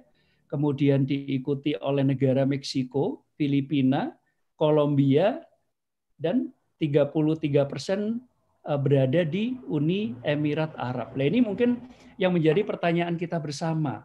Ya. Indonesia negara berkembang asumsinya, Meksiko negara berkembang, Filipina negara berkembang, Kolombia juga negara berkembang. Nah ini pertanyaan menarik termasuk pertanyaan dari diri saya pribadi. Asumsinya ini kenapa kira-kira ya negara dengan pertumbuhan e-commerce tercepat itu kok rata-rata disandang oleh negara berkembang bukan negara maju, Bapak Ibu sekalian. Nah, kemudian di sini juga menunjukkan Bapak Ibu sekalian bahwa potensi e-commerce di Indonesia sangat tinggi sekali ya. Di mana pada tahun 2015 ya masih mencapai angka 1,7 miliar dolar US ya. Kemudian 2019 berkembang pesat menjadi ya angkanya berkembang menjadi 21 ya miliar dolar Amerika Serikat dan prediksi tahun 2025 diharapkan mencapai nilainya 82 miliar dolar US Bapak Ibu sekalian. Nah, kalau kita melihat aturan di dalam PP nomor 80 tahun 2019 ini cukup menarik Bapak Ibu sekalian ya. Jadi kalau kita melihat rasio legis ya terbitnya PP ini yang pertama adalah meningkatkan perlindungan konsumen dan industri lokal ya, kemudian mencatat pajak dan identitas pelaku usaha, sampai dengan mewujudkan keseimbangan antara bisnis online dan offline. Ya. Nah, kemudian di sana ada juga dalam konteks perlindungan konsumen harapannya dengan adanya PP ini konsumen dapat melaporkan kerugian yang diderita kepada Menteri Perdagangan ya.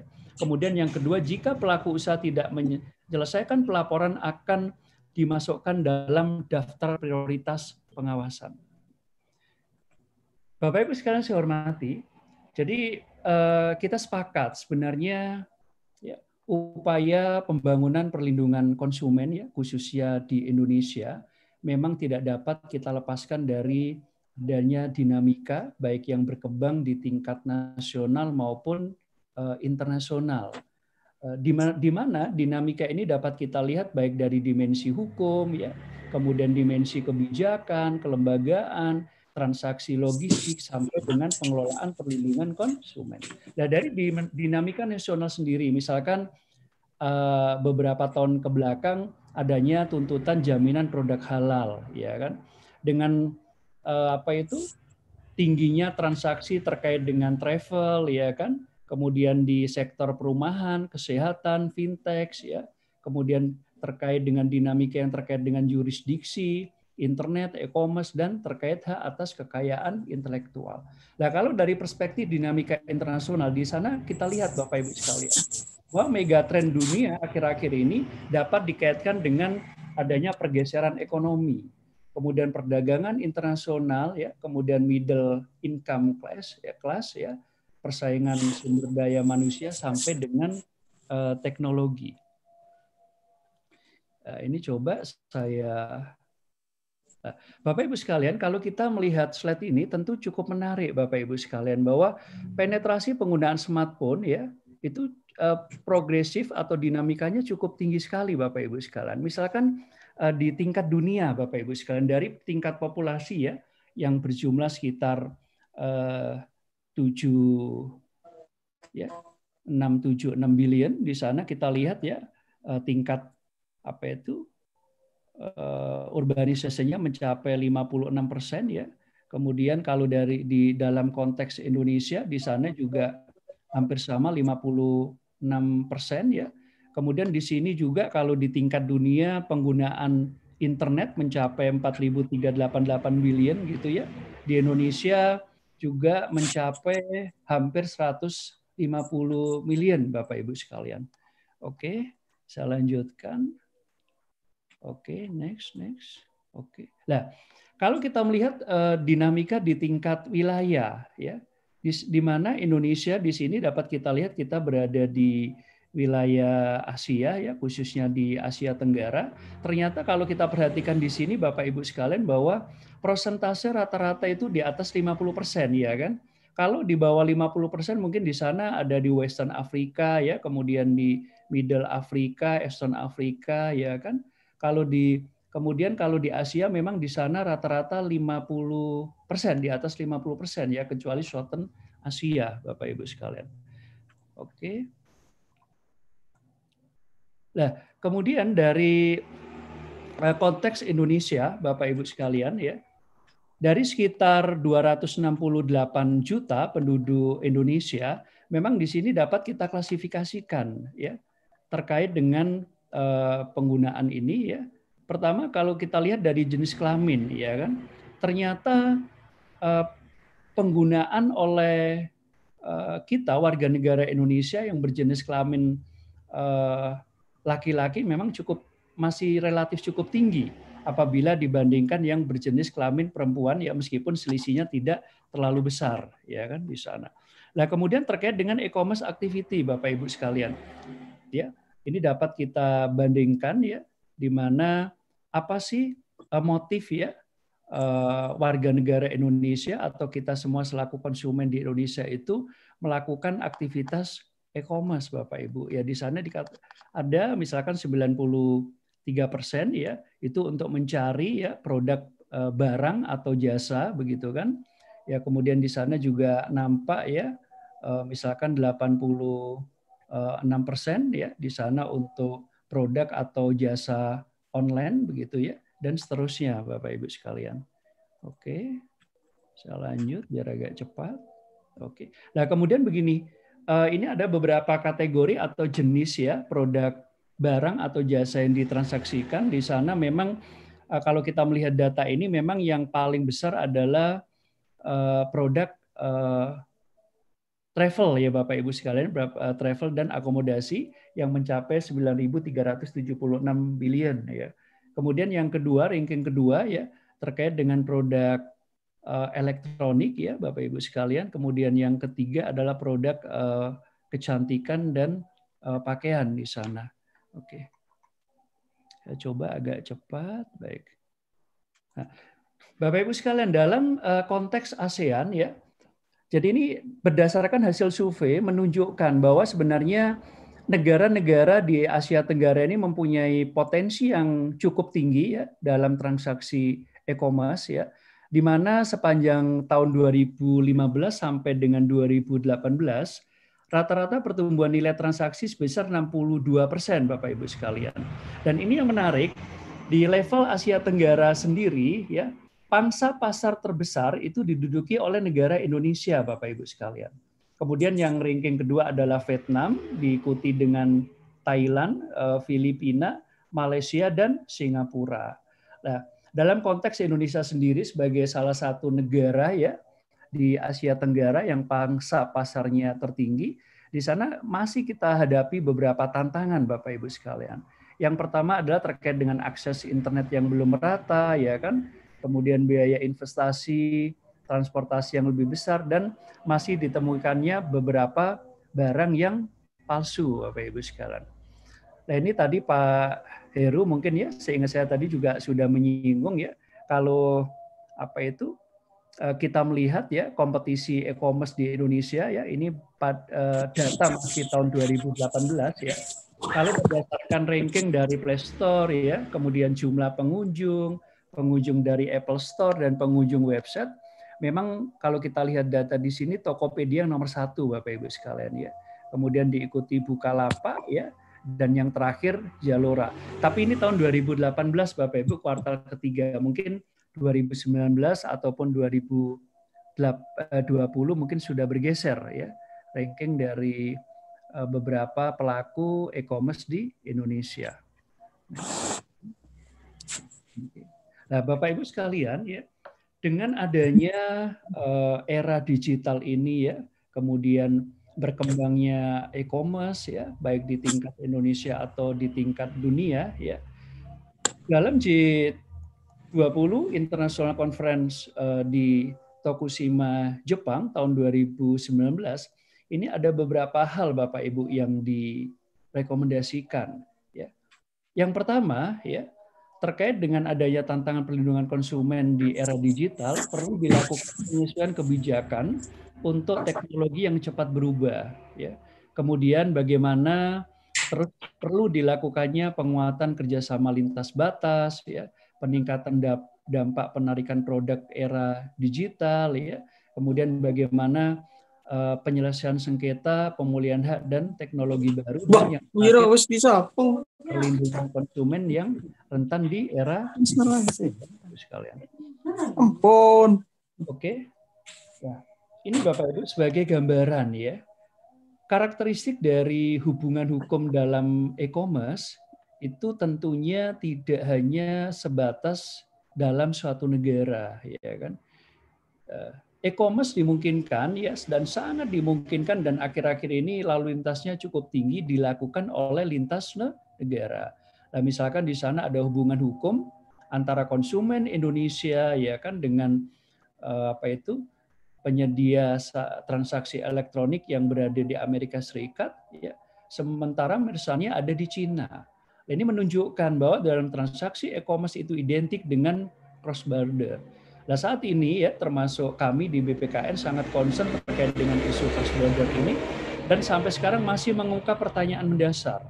Apabila terjadi sengketa yang melibatkan pihak Indonesia gitu ya dengan pihak asing ya bagaimana proses penyelesaian sengketanya ya kan kemudian hukum mana yang digunakan dan bagaimana perlindungan terhadap data pribadi konsumen. Oke, saya lanjut. Oke. Oke, oke. Nah, Bapak Ibu sekalian, ya tadi Pak Hendra menyinggung ya, mungkin Pak Ermanto yang akan menyampaikan terkait dengan uh, eh, RUU perlindungan data pribadi. Uh, saya coba mengidentifikasi Bapak Ibu sekalian ya, bahwa sebenarnya masih banyak ya atau ada beberapa isu hukum yang masih perlu dijawab Pak Heru, Pak Hendra ya terkait dengan perlindungan data pribadi di Indonesia.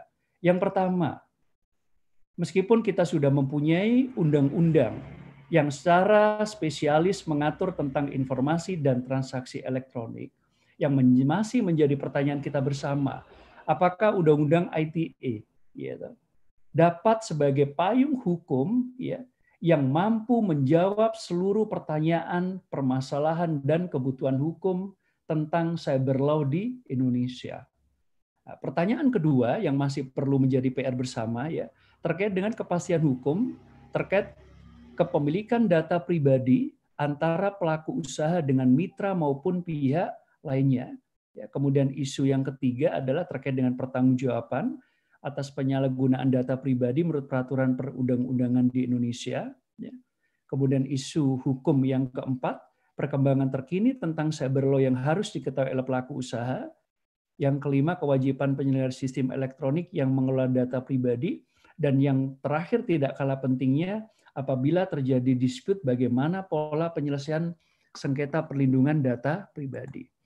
Dan akhirnya pada preskripsi, kalau saya pribadi boleh berpendapat Bapak Ibu sekalian bahwa terkait dengan perlindungan data pribadi, negara memang harus hadir dalam rangka memenuhi kebutuhan hukum masyarakat. Oleh karena itu, ya RUU Perlindungan Data Pribadi yang sekarang masih sedang berproses, seharusnya dan selayaknya harus berlandaskan pada landasan filosofis, yuridis, dan sosiologis. Ya. Bapak Ibu sekalian yang saya hormati, demikian mungkin yang dapat saya sampaikan. Nanti mungkin apa kita lebih perdalam dan berkembang pada sesi diskusi dan tanya jawab ya. Demikian saudara moderator ya. Terima kasih Mbak Anisia. Ya. Baik, terima kasih eh, Bapak. Dan memang perlindungan data di Indonesia telah uh, ada undang-undang informasi dan transaksi elektronik, kemudian ada undang-undang perbankan, undang-undang pasar modal, dan undang-undang perlindungan konsumen. Namun urgensi RUU PDP memanglah uh, perlu dan kemudian dan kalau kita meninjau bahwa perkembangan e-commerce di Indonesia itu merupakan yang tercepat dan aktivitas e-commerce tertinggi itu ada travel, kemudian elektronik dan kecantikan, pakaian dan Indonesia juga merupakan uh, menduduki pasar e-commerce terbesar se-ASEAN. Dan teman-teman, uh, perlu saya sampaikan bahwasannya setelah ini akan ada sesi tanya jawab yang sebelumnya Mari kita saksikan bersama penyerahan sertifikat dan juga cindera mata digital yang akan disampaikan eh, yang akan diserahkan oleh pembina FK2H Ibu Nuzul dan Direktur Eksekutif FK2H serta Ketua Panitia Disnatalis. Kepada panitia dipersilahkan untuk menampilkan.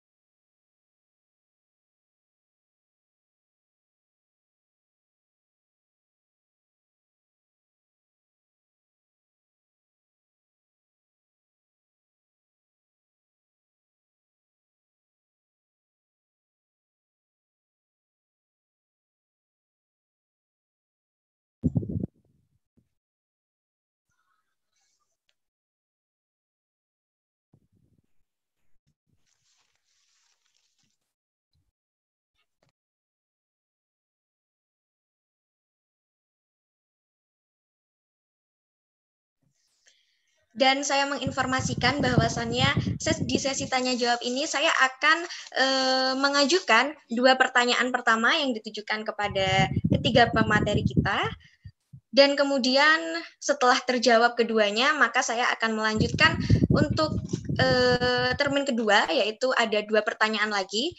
Dan tetap saya himbau teman-teman untuk silahkan memanfaatkan kesempatan ini untuk e, menyampaikan pertanyaan seputar perlindungan data pribadi. Silakan menggunakan format yang telah ditentukan, teman-teman.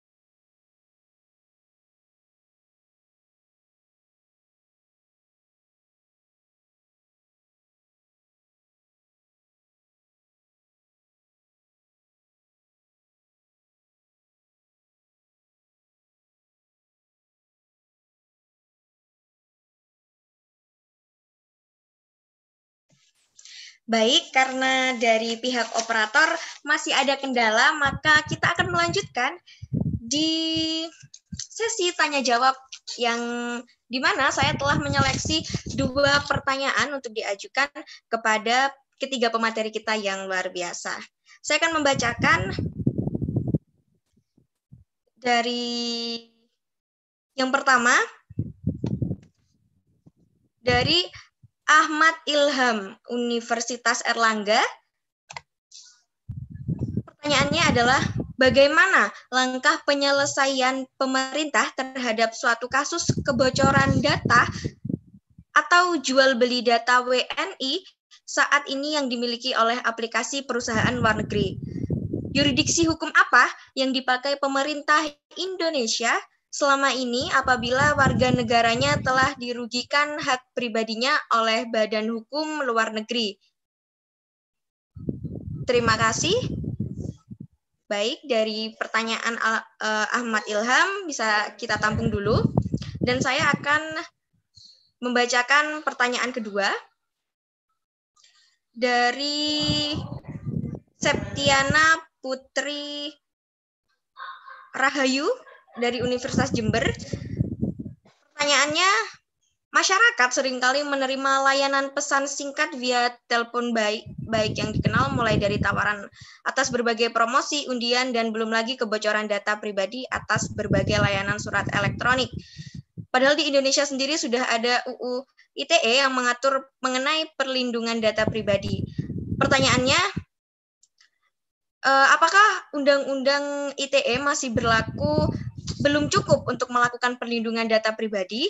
Dan yang kedua, adakah landasan hukum bagi pemerintah untuk mendapatkan data pribadi masyarakat? Baik, eh, kita akan mempersilahkan pemateri untuk menjawab pertanyaan yang pertama, yang akan dijawab pertama kali oleh Bapak Dr. Ermanto. Bagaimana Bapak? Apakah saya perlu mengulang pertanyaan yang pertama? Ya, diulang sekali lagi enggak apa-apa Mbak. Yang pertama yang dari Erlangga tadi, yang terkait Baik. dengan penyelesaian sengketa ya. ya. Baik. Lang, bagaimana langkah penyelesaian pemerintah terhadap suatu kasus kebocoran data atau jual beli data WNI saat ini yang dimiliki oleh aplikasi perusahaan luar negeri dan yuridiksi hukum apa yang dipakai pemerintah Indonesia selama ini apabila warga negaranya telah dirugikan hak pribadinya oleh badan hukum luar negeri pemilik aplikasi tersebut. Bagaimana Bapak? Ya, baik. Terima kasih Mbak Anis. Mohon izin Pak Eru ya, senior saya di terkait dengan IT Pak Endra juga ya. Cuma saya mohon izin nanti menyampaikan pendapat ataupun jawaban terkait dengan bidang hukum saya. Memang dari contoh fakta hukum ya atau case yang dikemukakan oleh Mbak Anisia ini bisa kita lihat dari perspektif hukum publik dan hukum private begitu ya. Nah, pertama dari hukum private dulu Mbak ya, khususnya dari perspektif hukum perdata ataupun hukum dagang. Ini asumsinya tadi ada dua pihak begitu Mbak Anisia ya, antara pihak Indonesia dengan pihak asing ya asumsinya di sini yang pihak Indonesia itu adalah konsumennya begitu ya atau usernya, sementara pihak asingnya adalah pelaku usahanya begitu. Nah taruhlah data pribadi yang digunakan ini ya Mbak Anisia ya, data pribadi yang uh, disalahgunakan ini ya, itu semula data pribadi yang digunakan atau dilahirkan dari suatu transaksi elektronik begitu ya. Taruhlah e-commerce ya, biar contohnya contohnya lebih konkret. Nah ini menarik ya, sebenarnya dapat kita petakan dari beberapa peraturan perundang-undangan di Indonesia. Yang pertama, ya, yang pertama, apabila dari perspektif hukum perlindungan konsumen, ini tentu yang menjadi masalah, Mbak. Kenapa? Kalau berdasarkan perspektif UU PK kita nomor 8 tahun 99 ini yang menarik, UU PK kita itu hanya menjangkau pelaku usaha yang merupakan subjek hukum Indonesia sekali lagi permasalahan yang di, uh, terkait dengan UPK kita bahwa pelaku usaha yang dijangkau oleh UPK kita itu hanya pelaku usaha yang merupakan subjek hukum Indo Indonesia. Sementara kalau pelaku usahanya itu merupakan subjek hukum asing, meskipun pelaku usaha tersebut melakukan transaksi atau hubungan hukum dengan konsumen Indonesia, itu tidak bisa dijangkau oleh UUPK. Ini yang pertama. Nah, tetapi kita tidak eh, apa itu tidak perlu pesimis. Ini yang menarik, ada perbedaan jangkauan ya eh, pengaturan antara UUPK dengan Undang-Undang Informasi dan Transaksi Elektronik. Kalau Undang-Undang ITE, ya sepengetahuan saya dan sepemahaman saya, itu menjangkau juga ya kan pelaku usaha asing atau pelaku usaha yang tidak bersubjek hukum Indonesia selama melakukan transaksi dengan pihak Indo Indonesia. Ini dari perspektif hukum eh, privat atau hukum per perdata khususnya hukum dagang di sana. Nah, memang begini, meskipun ya, meskipun ya undang-undang ITE kita menjangkau pelaku usaha yang bersubjek hukum asing. Ini nantinya masih menjadi suatu pertanyaan ya. Apabila dikaitkan dengan dengan jurisdiksi, yang pertama adalah terkait dengan choice of forumnya. Ya kan? Kalau diselesaikan melalui pengadilan, pertanyaannya pengadilan mana? Apakah pengadilan yang ada di negara pelaku usaha tersebut ataukah pengadilan yang ada di Indonesia? Ya kan? Kecuali misalkan dispute terkait dengan data pribadi itu ya lahir dari suatu e-commerce ya atau hubungan hukum yang dituangkan dalam suatu uh, yang lahir dari suatu e-commerce yang dituangkan dalam suatu dokumen uh, kontrak atau perjanjian tertulis dan kebetulan di dalamnya memuat klausula penyelesaian sengketa ini tidak rumit. Tetapi kalau tidak dituangkan dalam suatu dokumen tertulis dan di dalamnya dan tidak ada suatu klausula yang menyatakan pola penyelesaian sengketa ini yang masih menjadi Eh, problem hukum tersendiri. Nah, yang kedua biasanya juga menyangkut choice of of law, ya atau hukum mana yang digunakan, apakah hukum asing ataupun hukum Indo Indonesia. Nah, di dalam uh, di eh, forum-forum di kelas ya ketika saya mengajar tentang hukum perlindungan konsumen atau hukum e-commerce ya ini menarik sebenarnya uh, apabila ya ap, ap, ap, apabila memang kalau tidak bisa apa itu uh, UUPK kita tidak bisa menjangkau sekali lagi kita masih bisa menggunakan undang-undang ITE itu yang pertama. Tetapi pertanyaan kedua ya pertanyaan kedua apakah negara lain ya atau subjek hukum yang berwarga berwarga negara asing atau warga negara lain apakah mereka mau mengakui ya mengakui hukum yang berlaku di Indonesia oleh karena itu kalau saya conclusion saya memang terkait dengan persoalan ini sekali lagi meskipun undang-undang ITE sudah menjangkau ya, tetapi persoalannya karena ini ada unsur asing, ada unsur lintas negara ya, ada unsur lintas teritorial ini tentu menjadi suatu persoalan yang tidak tidak mudah begitu. Ya dari saya demikian Mbak Anisia. Ya. Baik, eh, Bapak, mungkin bisa eh, langsung dijawab oleh pemateri yang kedua dari Bapak Hendra.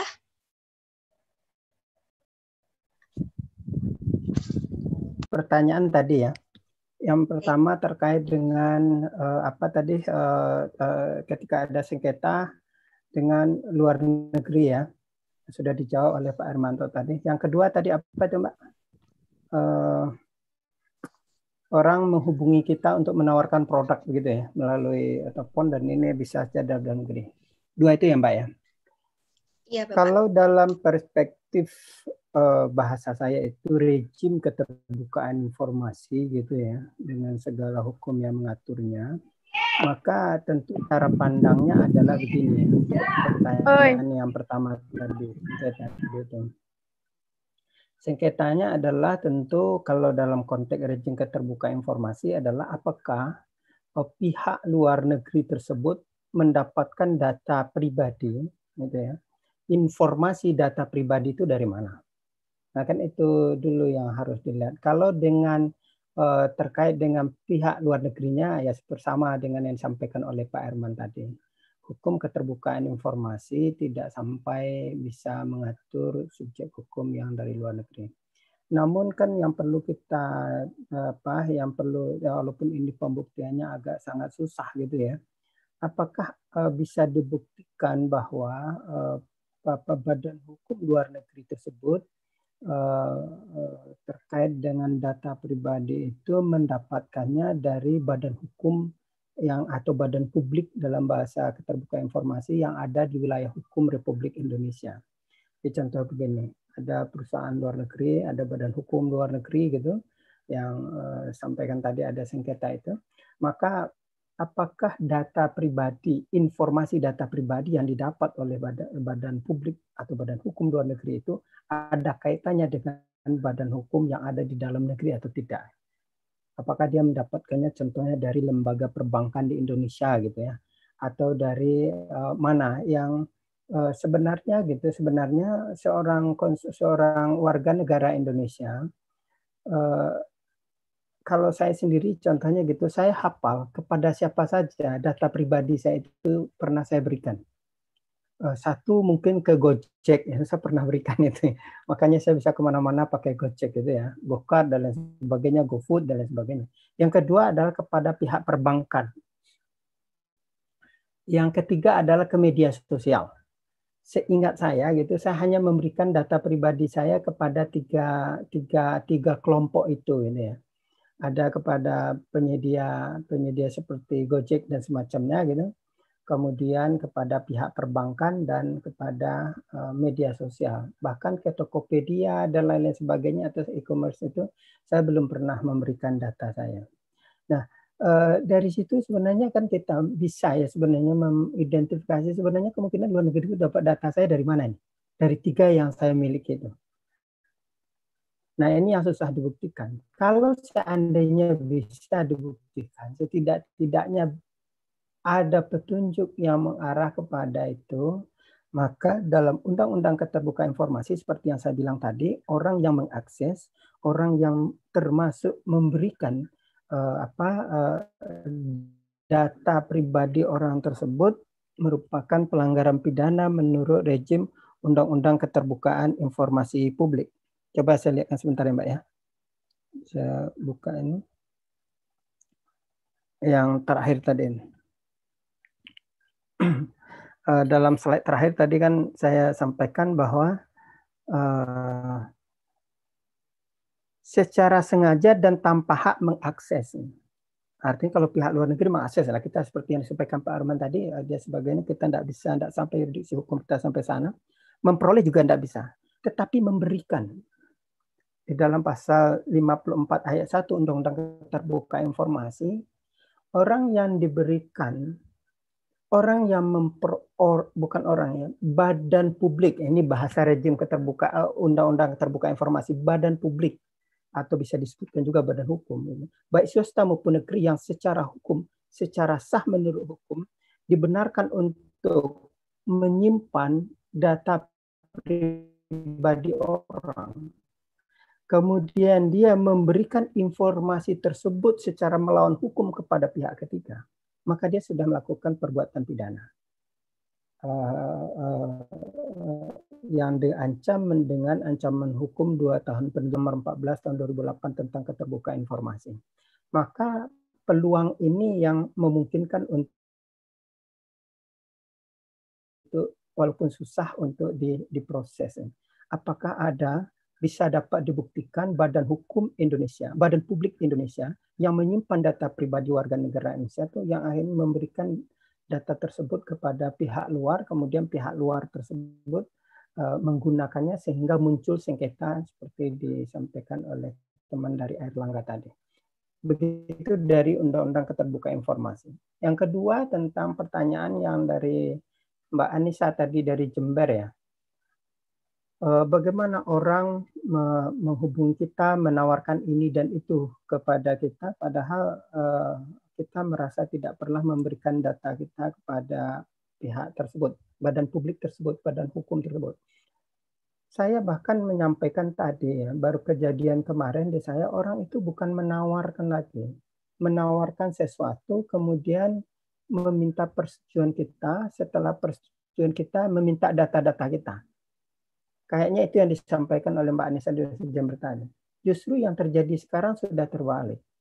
Dia menawarkan sesuatu kepada kita dan tidak lagi meminta data kita untuk memproses penawaran tersebut, tetapi hanya mengkonfirmasi. Contoh begini.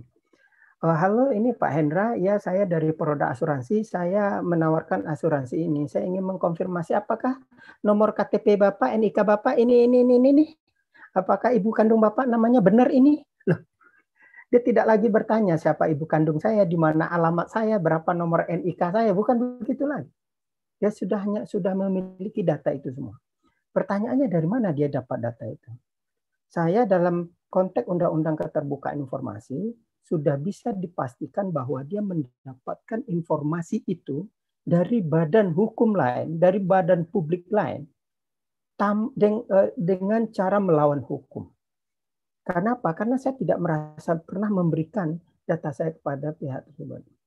Sebenarnya, karena ini merupakan delik aduan, bisa saja ini dilaporkan kepada pihak yang berwenang, pihak penegak hukum, bahwa ada pihak yang menguasai data saya secara melawan hukum, dan saya tidak pernah memberikan data itu, sehingga patut diduga sudah melanggar hukum perlindungan data pribadi sebagaimana dimaksud oleh pasal 17 huruf H Undang-Undang Keterbukaan Informasi Undang-Undang Nomor 14 tahun 2008.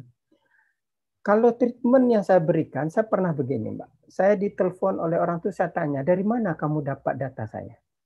Kalau kita mampu untuk bersabar sedikit gitu ya, kemudian mengkorek dengan sedikit memberikan hope kepada operator yang nelpon kita itu, nanti ya kita dapat semua itu. Dia adalah operator saja, disuruh oleh manajer namanya ini, manajer anunya, manajer marketingnya, manajernya, eh, pimpinannya namanya ini, perusahaannya ini, alamatnya ini. Kemudian perusahaan itu bekerja sama dengan badan hukum lain yang kira-kira memiliki dokumen kita itu. Contoh dia bekerja sama dengan salah satu perbankan. Kenapa? Karena dia adalah anak perusahaan dari perbankan hukum perbankan tersebut dalam bidang insurans seperti ini.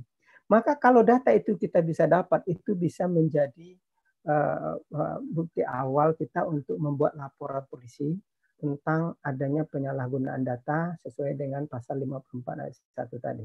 Saya akan nyampaikan ini. Kalau begitu, terima kasih Anda sudah uh, menghubungi saya.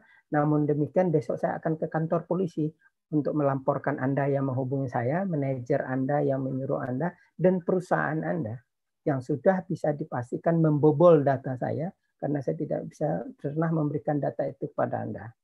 Nah, biar penegak hukum nanti yang untuk melakukan proses penyelidikan sampai meningkatkan menjadi penyidikan jika ditemukan dua alat bukti yang cukup tentang terjadinya sebuah peristiwa pidana terkait dengan uh, tawaran uh, sebuah produk itu dalam konteks pelanggaran terhadap Undang-Undang Keterbukaan Informasi Publik. Tentu saja banyak lagi undang-undang yang terlanggar di ini. Ada undang-undang ITE, memang saya tidak mau bicara terlalu jauh, karena itu ada undang-undang yang lain lagi yang itu merupakan sebuah perbuat apa uh, unsur pidana semua. Saya kira itu Mbak sepanjang terkait dengan uh, perlindungan data pribadi dalam perspektif rejim uh, keterbukaan informasi publik sebagaimana diperintahkan oleh Undang-Undang Nomor 14 tahun 2008 dan Undang-Undang Dasar Pasal 28F.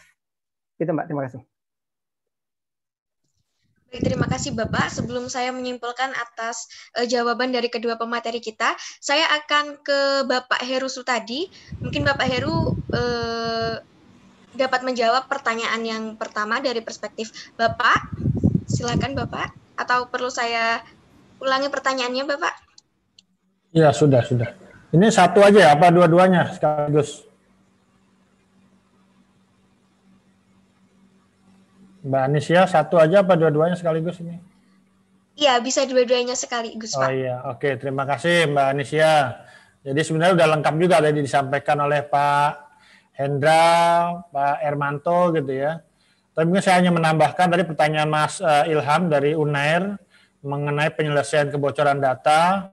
Memang eh, kami dari Badan Perlindungan Konsumen ini juga eh, memantau terus apa yang terjadi dengan eh, terutama kebocoran data eh, konsumen, data pengguna. Kalau kemarin kan e-commerce gitu ya, kemarin terakhir itu Lazada dan Cermati.com. Jadi kita sudah menyampaikan bahwa eh, kita harus juga kembali pada Undang-Undang eh, 8 1999 bahwa di mana ada hak konsumen. Hak konsumen itu hak atas kenyamanan dan juga keamanan dalam menggunakan mengkonsumsi barang dan atau jasa. Jadi ini kan juga ketika misalnya data itu bocor, apakah itu e-commerce atau fintech atau apa atau pinjol gitu ya, ini kan eh, membuat eh, konsumen tidak nyaman gitu ya. Ini yang kita khawatirkan adalah bahwa ketika konsumen tidak nyaman, tidak lagi ada ada trust. Nah dalam ekonomi digital ini kan semua harus trust. Ketika eh, trust ini tidak terjaga, kita khawatirkan adalah perkembangan ekonomi Indonesia secara keseluruhan eh, juga terganggu. Jadi kemarin kita sudah menyampaikan bahwa pihak terkait, terutama eh, Kementerian eh, Komunikasi dan Informatika, untuk eh, eh, mendalami eh, persoalan-persoalan kebocoran data. Jadi nggak bisa hanya sekedar eh, mendapat laporan dari eh, penyedia platform, oh kita tidak terjadi apa-apa segala macam, tapi ini harus diselidiki, harus diinvestigasi masalahnya di mana. Karena bisa jadi apakah itu kurang apa eh, keamanan dari sistem eh, marketplace atau platformnya itu yang kurang bagus atau hackernya yang memang terlalu canggih atau seperti apa ini yang harus di- dicari jawabannya gitu ya. Eh, kemudian yang terkait dengan disampaikan Mbak Septiana Putri tadi apakah undang-undang yang ada ini belum cukup gitu ya.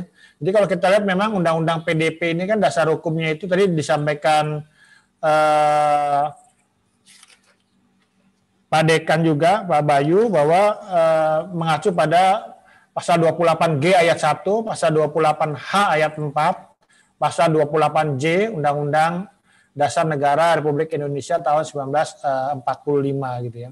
Dan memang kalau kita lihat sebenarnya juga sekarang ini ada eh, peraturan perundang-undangan yang memang eh, mengatur atau juga menyangkut eh, tentang data pribadi gitu ya. Jadi ada Undang-Undang 10 eh, tahun 1998 tentang perbankan, ada Undang-Undang Telekomunikasi nomor 36 1999, termasuk juga Undang-Undang Perlindungan Konsumen, Undang-Undang ITE, kemudian juga ada Undang-Undang eh, 23 tahun 2006 tentang administrasi kependudukan, ada undang-undang tadi Pak Hendra juga menyampaikan undang-undang keterbukaan informasi publik, ada undang-undang 36 2009 tentang kesehatan, tapi memang persoalannya adalah eh, kita belum memiliki regulasi perlindungan data pribadi yang komprehensif dan eh, spesifik gitu ya. Jadi memang eh, mungkin ini kita harapkan RUU PDP yang menjadi nanti eh, undang-undang ini merupakan undang-undang yang komprehensif dan spesifik menjawab persoalan-persoalan terkait dengan data pribadi. Tadi juga disebutkan misalnya sempat masalah pesan singkat SMS gitu ya. Kita kadang-kadang menerima SMS eh, spam segala macam. Dapat saya sampaikan juga bahwa eh, BPKN juga telah mengirimkan rekomendasi kepada eh, Menteri Kominfo, kemudian juga Badan Regulasi Telekomunikasi Indonesia bahwa eh, perlu pengaturan spesifik tentang eh, SMS eh, marketing gitu ya. Jadi mungkin eh, siapa saja yang boleh dikirimkan, bagaimana model pengirimannya, kapan dikirimkan gitu ya. Yang kadang-kadang juga mungkin dikirimkannya juga eh, dini hari gitu kan, orang tidur kirim-kirim SMS Eh, itu juga menjadi menjadi persoalan. Termasuk juga ke- ketika misalnya konsumen menyatakan saya nggak mau menerima eh, SMS eh, spam lagi, itu juga harus eh, menjadi perhatian bahwa SMS apa pun juga eh, seharusnya tidak eh, bisa diterima gitu ya. Memang eh, kita masih dalam proses eh, penyusunan regulasi yang baru dari diskusi kita dengan eh, Badan Regulasi Telekomunikasi Indonesia. Tapi setidaknya kita berharap kita juga memiliki aturan kalau di beberapa negara itu do not co-register disebut gitu. Jadi bahwa eh, memiliki aturan kalau saya tidak mau dihubungi ya tidak eh, eh, ya, tidak boleh dihubungi. Jadi untuk menghubungi seseorang apakah itu SMS gitu ya atau, atau apa pun tadi juga disampaikan Pak Hendra itu ya orang juga harus eh, ini juga apakah eh, orang tersebut eh, memberikan izin untuk dihubungi atau tidak gitu ya. Itu yang yang eh, eh, dapat saya sampaikan Mbak eh, Anisia. Baik, eh, baik. Terima kasih Bapak Heru oleh eh, Bapak Dr. Ermanto karena tadi eh, belum sempat dibahas juga oleh beliau. Silakan Bapak Ermanto.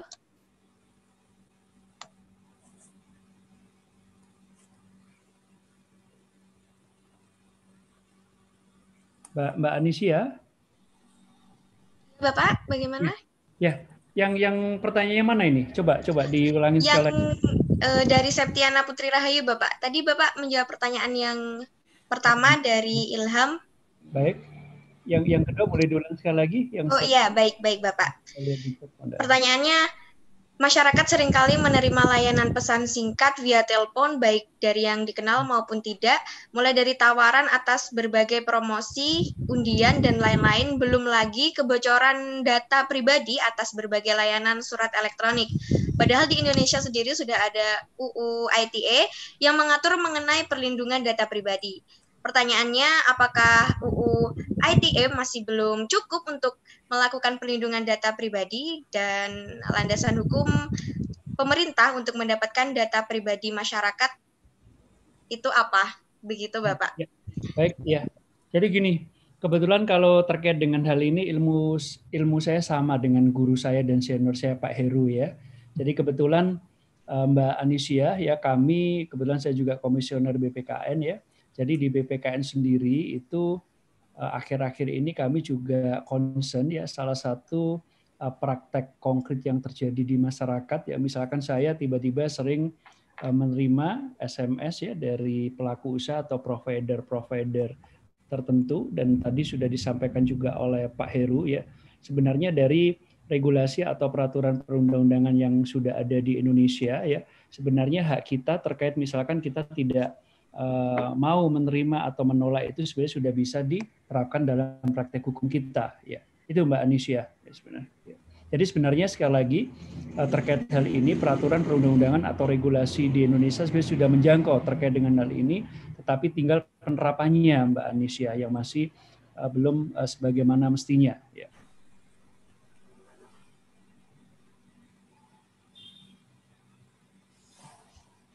Baik dari baik terima kasih Bapak Dr. Ermanto dari Septiana Putri dan juga Ahmad Ilham saya sampaikan pula terima kasih atas pertanyaannya dan review sedikit review saya adalah bahwasanya permasalahan dari pertanyaan yang pertama adalah memang pelaku usaha yang dijangkau UU Perlindungan Konsumen adalah subjek hukum Indonesia. Sementara untuk subjek hukum asing tidak bisa dijangkau eh, dari UU PK dan untuk dari Septiana berlaku eh, untuk pertanyaan tentang landasan hukum berlaku pelanggaran pidana berdasarkan UU Keterbukaan Informasi Publik menurut Bapak Hindra dan juga terhadap menurut Bapak Heru investigasi eh, data yang bocor terhadap sistem keamanan memang menjadikan urgensi kita untuk memiliki perlindungan data pribadi yang lebih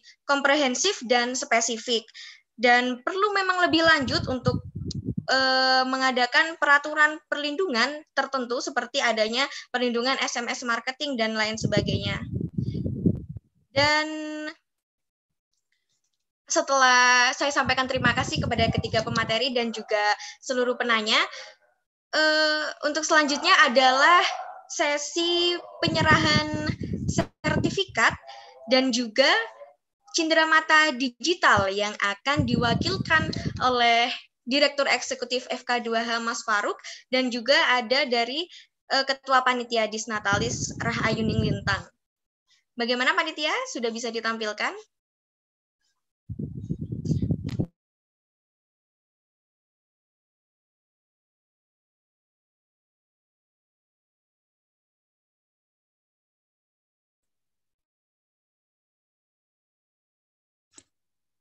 Apakah sudah terlihat? Baik, sudah terlihat.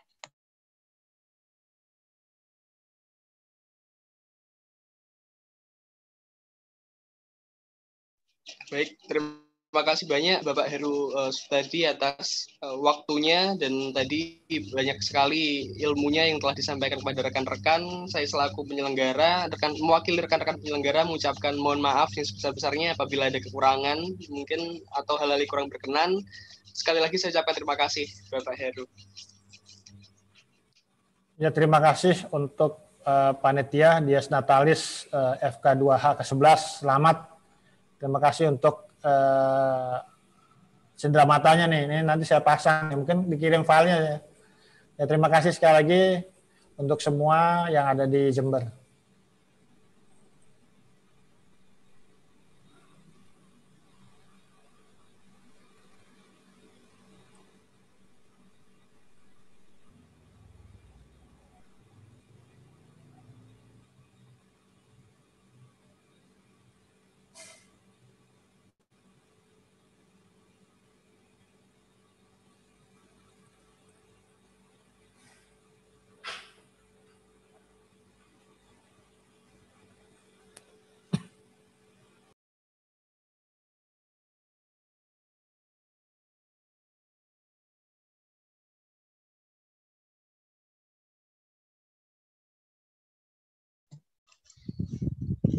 Mungkin kembali bisa disampaikan eh, Direktur Eksekutif FK2H, Mas. Baik, eh, saya mungkin mewakili eh, Ibu Pembina, Ibu Nuzulia yang kebetulan tidak dapat bergabung sampai akhir, Bapak. Saya ucapkan terima kasih banyak eh, kepada Bapak Hendra atas kehadirannya dan juga sharing wawasan ilmu yang telah membuka perspektif baru bagi kami semua di sini. Eh, juga demikian saya mengucapkan mohon maaf apabila, apabila terdapat eh, beberapa kekurangan atau hal-hal kurang berkenan. Eh, Semoga di kesempatan-kesempatan selanjutnya masih bisa dapat bertemu dengan rekan-rekan di Universitas Jember ataupun di eh, forum kajian keilmuan hukum, Bapak. Terima kasih, Bapak Hendra.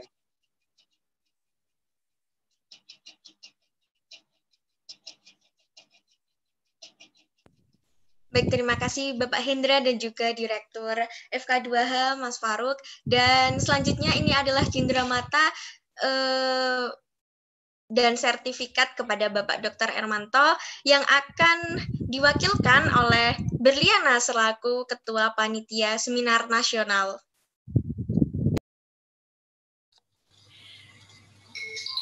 Ya, saya selaku Ketua Panitia dari Seminar Nasional mengucapkan mengucapkan terima kasih yang sebesar-besarnya kepada Bapak Armanto telah meluangkan waktunya untuk mengisi acara kami. Baik, terima kasih. Ini bajunya diganti ya, bukan baju yang biasanya, Mas Faru ya.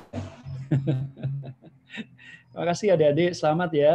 Terus berkiprah, berkreasi, Anda kreatif sekali ya. Ya, terima kasih, terima kasih.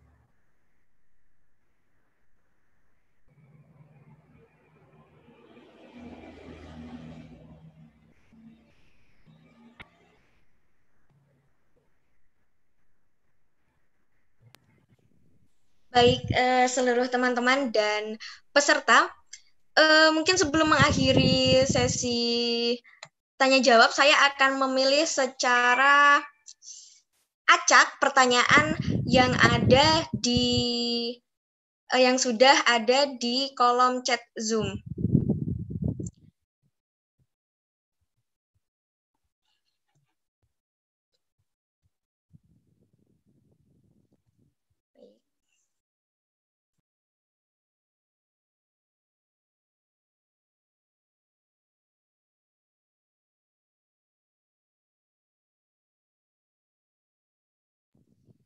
Baik, ini ada pertanyaan dari Ramadan Universitas Jember.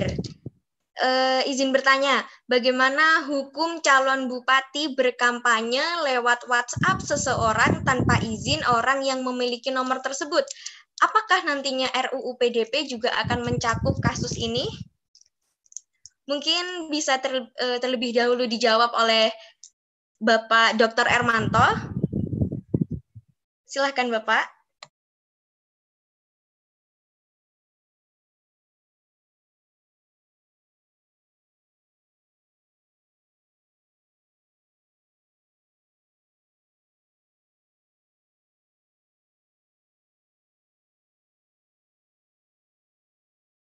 Eh, eh, saudara moderator ini Bapak Ermanto barusan mengonfirmasi bahwasanya eh, beliau berhalangan untuk bisa mengikuti kegiatan nggak akhir. Jadi eh, beliau izin untuk meninggalkan room terlebih dahulu karena ada kepentingan.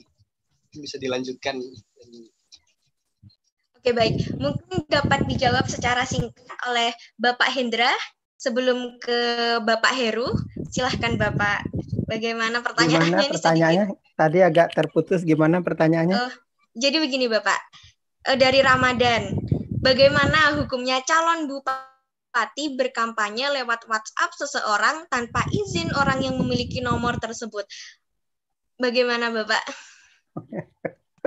Saya dari 10 tahun jadi ketua lembaga pemantau pemilu PWI Pusat ya. Kasus ini tidak pernah saya temukan karena waktu itu hanya ada BlackBerry ya. WhatsApp belum ada. Mbak, saya kalau orang punya nomor WhatsApp itu begini. Pertama, sepanjang pengetahuan saya WhatsApp itu tidak ada dua modelnya sekarang. Ada yang uh, orang terhubung dengan kita itu konfirmasi, ada yang tidak gitu ya. Jadi kalau contohnya Mbak moderator, Mbak Anissa gitu, terus uh, simpan nomor saya, uh, bagaimanapun caranya Mbak Anissa untuk ngirim WA ke saya tetap tidak akan masuk ke nomor saya ketika perangkat handphone saya itu sedemikian canggihnya gitu ya. Ini pernah kejadian suatu saat saya ketemu dengan senior saya, uh, Pak Sofian Jalil gitu Kemudian dia bilang, Hendra ini nomor HP saya ya, tolong WA kan nomor kamu ke saya. Oh iya bang. Nah setelah itu dalam pertemuan berikutnya saya ditegur, kamu kok nggak ngirim-ngirim nomormu ke saya? Nah ternyata sudah saya kirim ini buktinya gitu ya, kan ada tangga dan lain sebagainya. Oh iya, eh, ternyata nomormu anu perlu dicatat dulu di nomor HP saya baru WA-mu bisa masuk gitu. itu eh, satu. Yang kedua memang yang bebas saja. Siapa pun yang punya nomor seseorang maka dia bisa dikirimi WA dan sebagainya. Cuma begini Mbak, eh, memiliki nomor WWA seseorang itu apakah itu bagian dari data pribadi atau bukan? Kalau konteks seminar kita hari ini kan itu. Dalam konteks apa? Dalam konteks Undang-Undang 14 tahun 2008, apa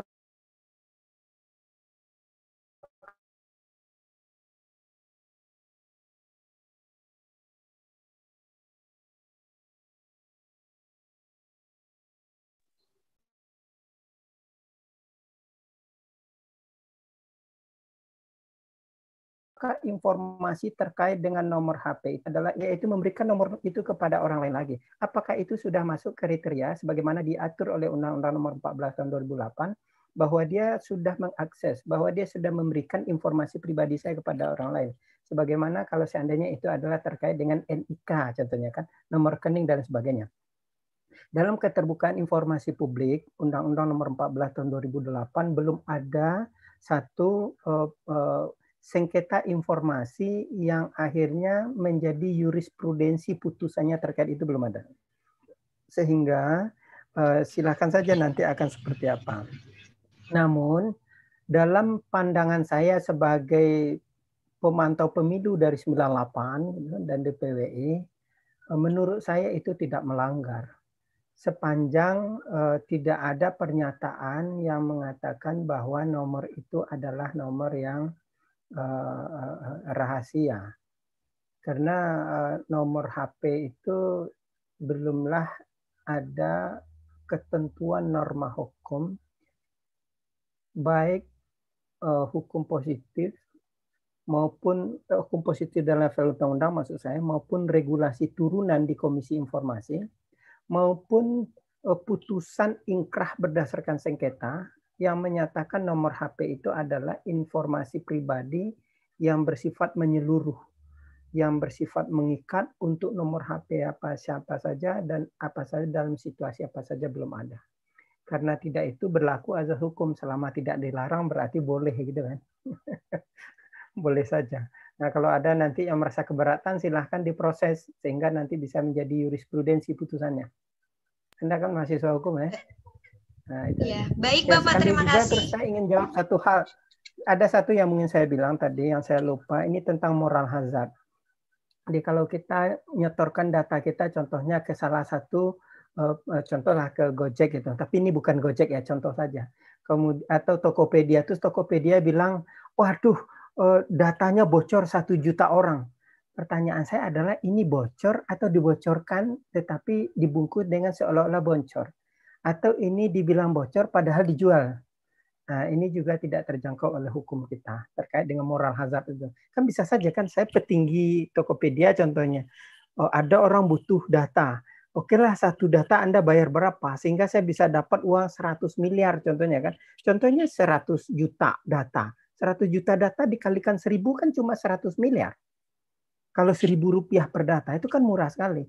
Udah dapat. Kemudian dibilang saja "Eh, sistem saya bocor gitu. Eh, Kemudian eh, apa saya tidak bisa menjadi subjek hukum Indonesia karena saya berada di luar negeri. Sudah dapat uang 100 miliar. Ini moral hazard ini yang perlu juga dijangkau oleh undang-undang PDP yang bocor-bocor itu. Terima kasih Mbak dan saya kira ini sudah statement terakhir ya closing Iya. statement. Terima kasih bila taufiq hidayah wallahu muwaffiq. Assalamualaikum warahmatullahi wabarakatuh. Mohon maaf kalau ada kesalahannya. Waalaikumsalam Terima kasih atas sertifikatnya. Baik Mahasiswa Bapak, terima harus kasih. semangat terus. Baik, Iya. terima kasih. Eh, itulah tadi sedikit jawaban dari Bapak Hendra. Eh, karena keterbatasan waktu, maka saya cukupkan jawaban dari Bapak Hendra tadi sekaligus menutup sesi diskusi seminar nasional pada pagi hari ini. Dan kepada seluruh peserta, diharapkan untuk eh, mengaktifkan kamera karena kita akan memasuki sesi dokumentasi.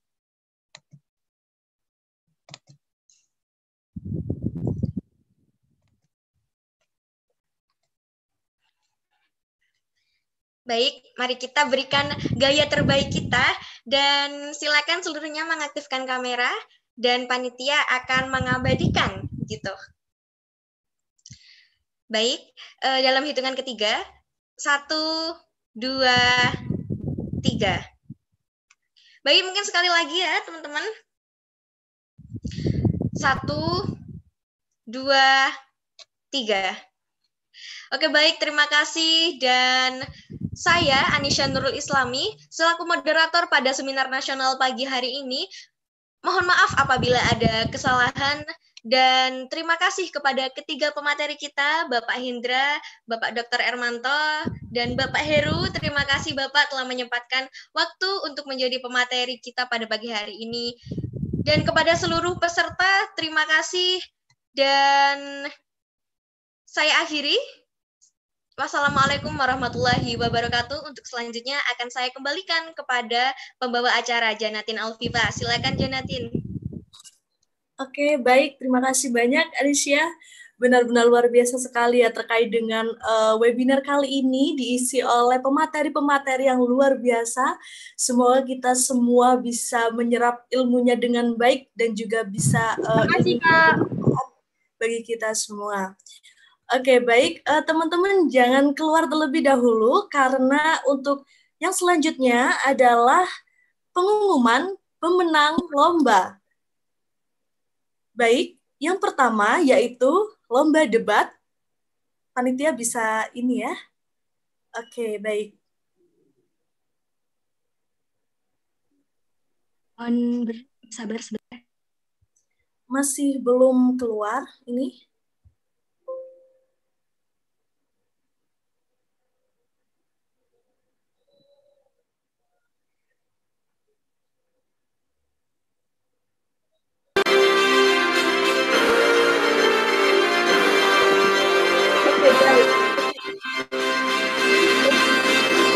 Juara lomba debat diraih oleh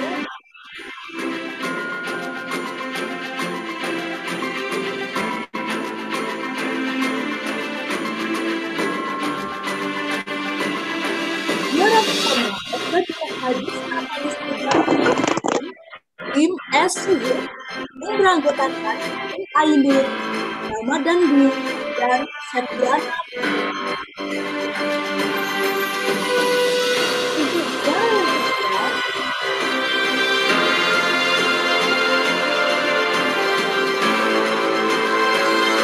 Wilayah akal FIDS yang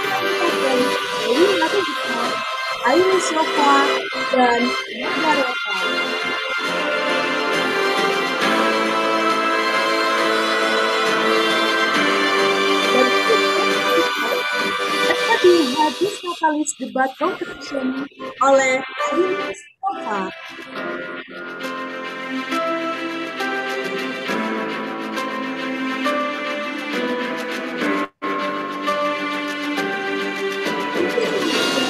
selesai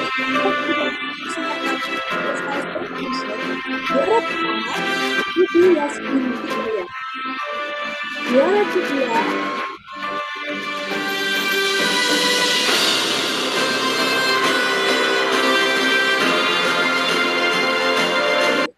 Juara kedua, Nabila Zidha Nur Aziza dan juara ketiga Oktavania Dwi Adias. Tadi pemenang dari lomba-lomba dari FK2 Hadis Natalis. Baik, diucapkan selamat kepada para pemenang lomba dan juga yang masih belum beruntung, jangan patah semangat dan terus eh, berusaha lagi. Begitu ya. Oke, baik. Untuk selanjutnya, kita sudah tiba pada penghujung acara pada webinar kali ini. Eh, marilah kita tutup acara ini dengan doa sesuai dengan agama dan keyakinan masing-masing. Berdoa dipersilahkan.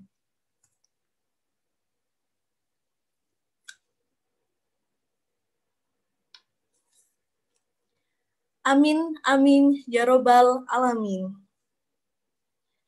Baik, itu tadi serangkaian acara pada webinar pada pagi hari ini. Saya Janatin Alfifa selaku MC untuk acara ini pamit undur diri. Terima kasih dan saya mohon maaf apabila ada kekurangan atau salah perkataan. Wassalamualaikum warahmatullahi wabarakatuh. Waalaikumsalam warahmatullahi wabarakatuh. Terima kasih rekan-rekan panitia, terima kasih seluruh peserta. Saya izin pamit. Assalamualaikum.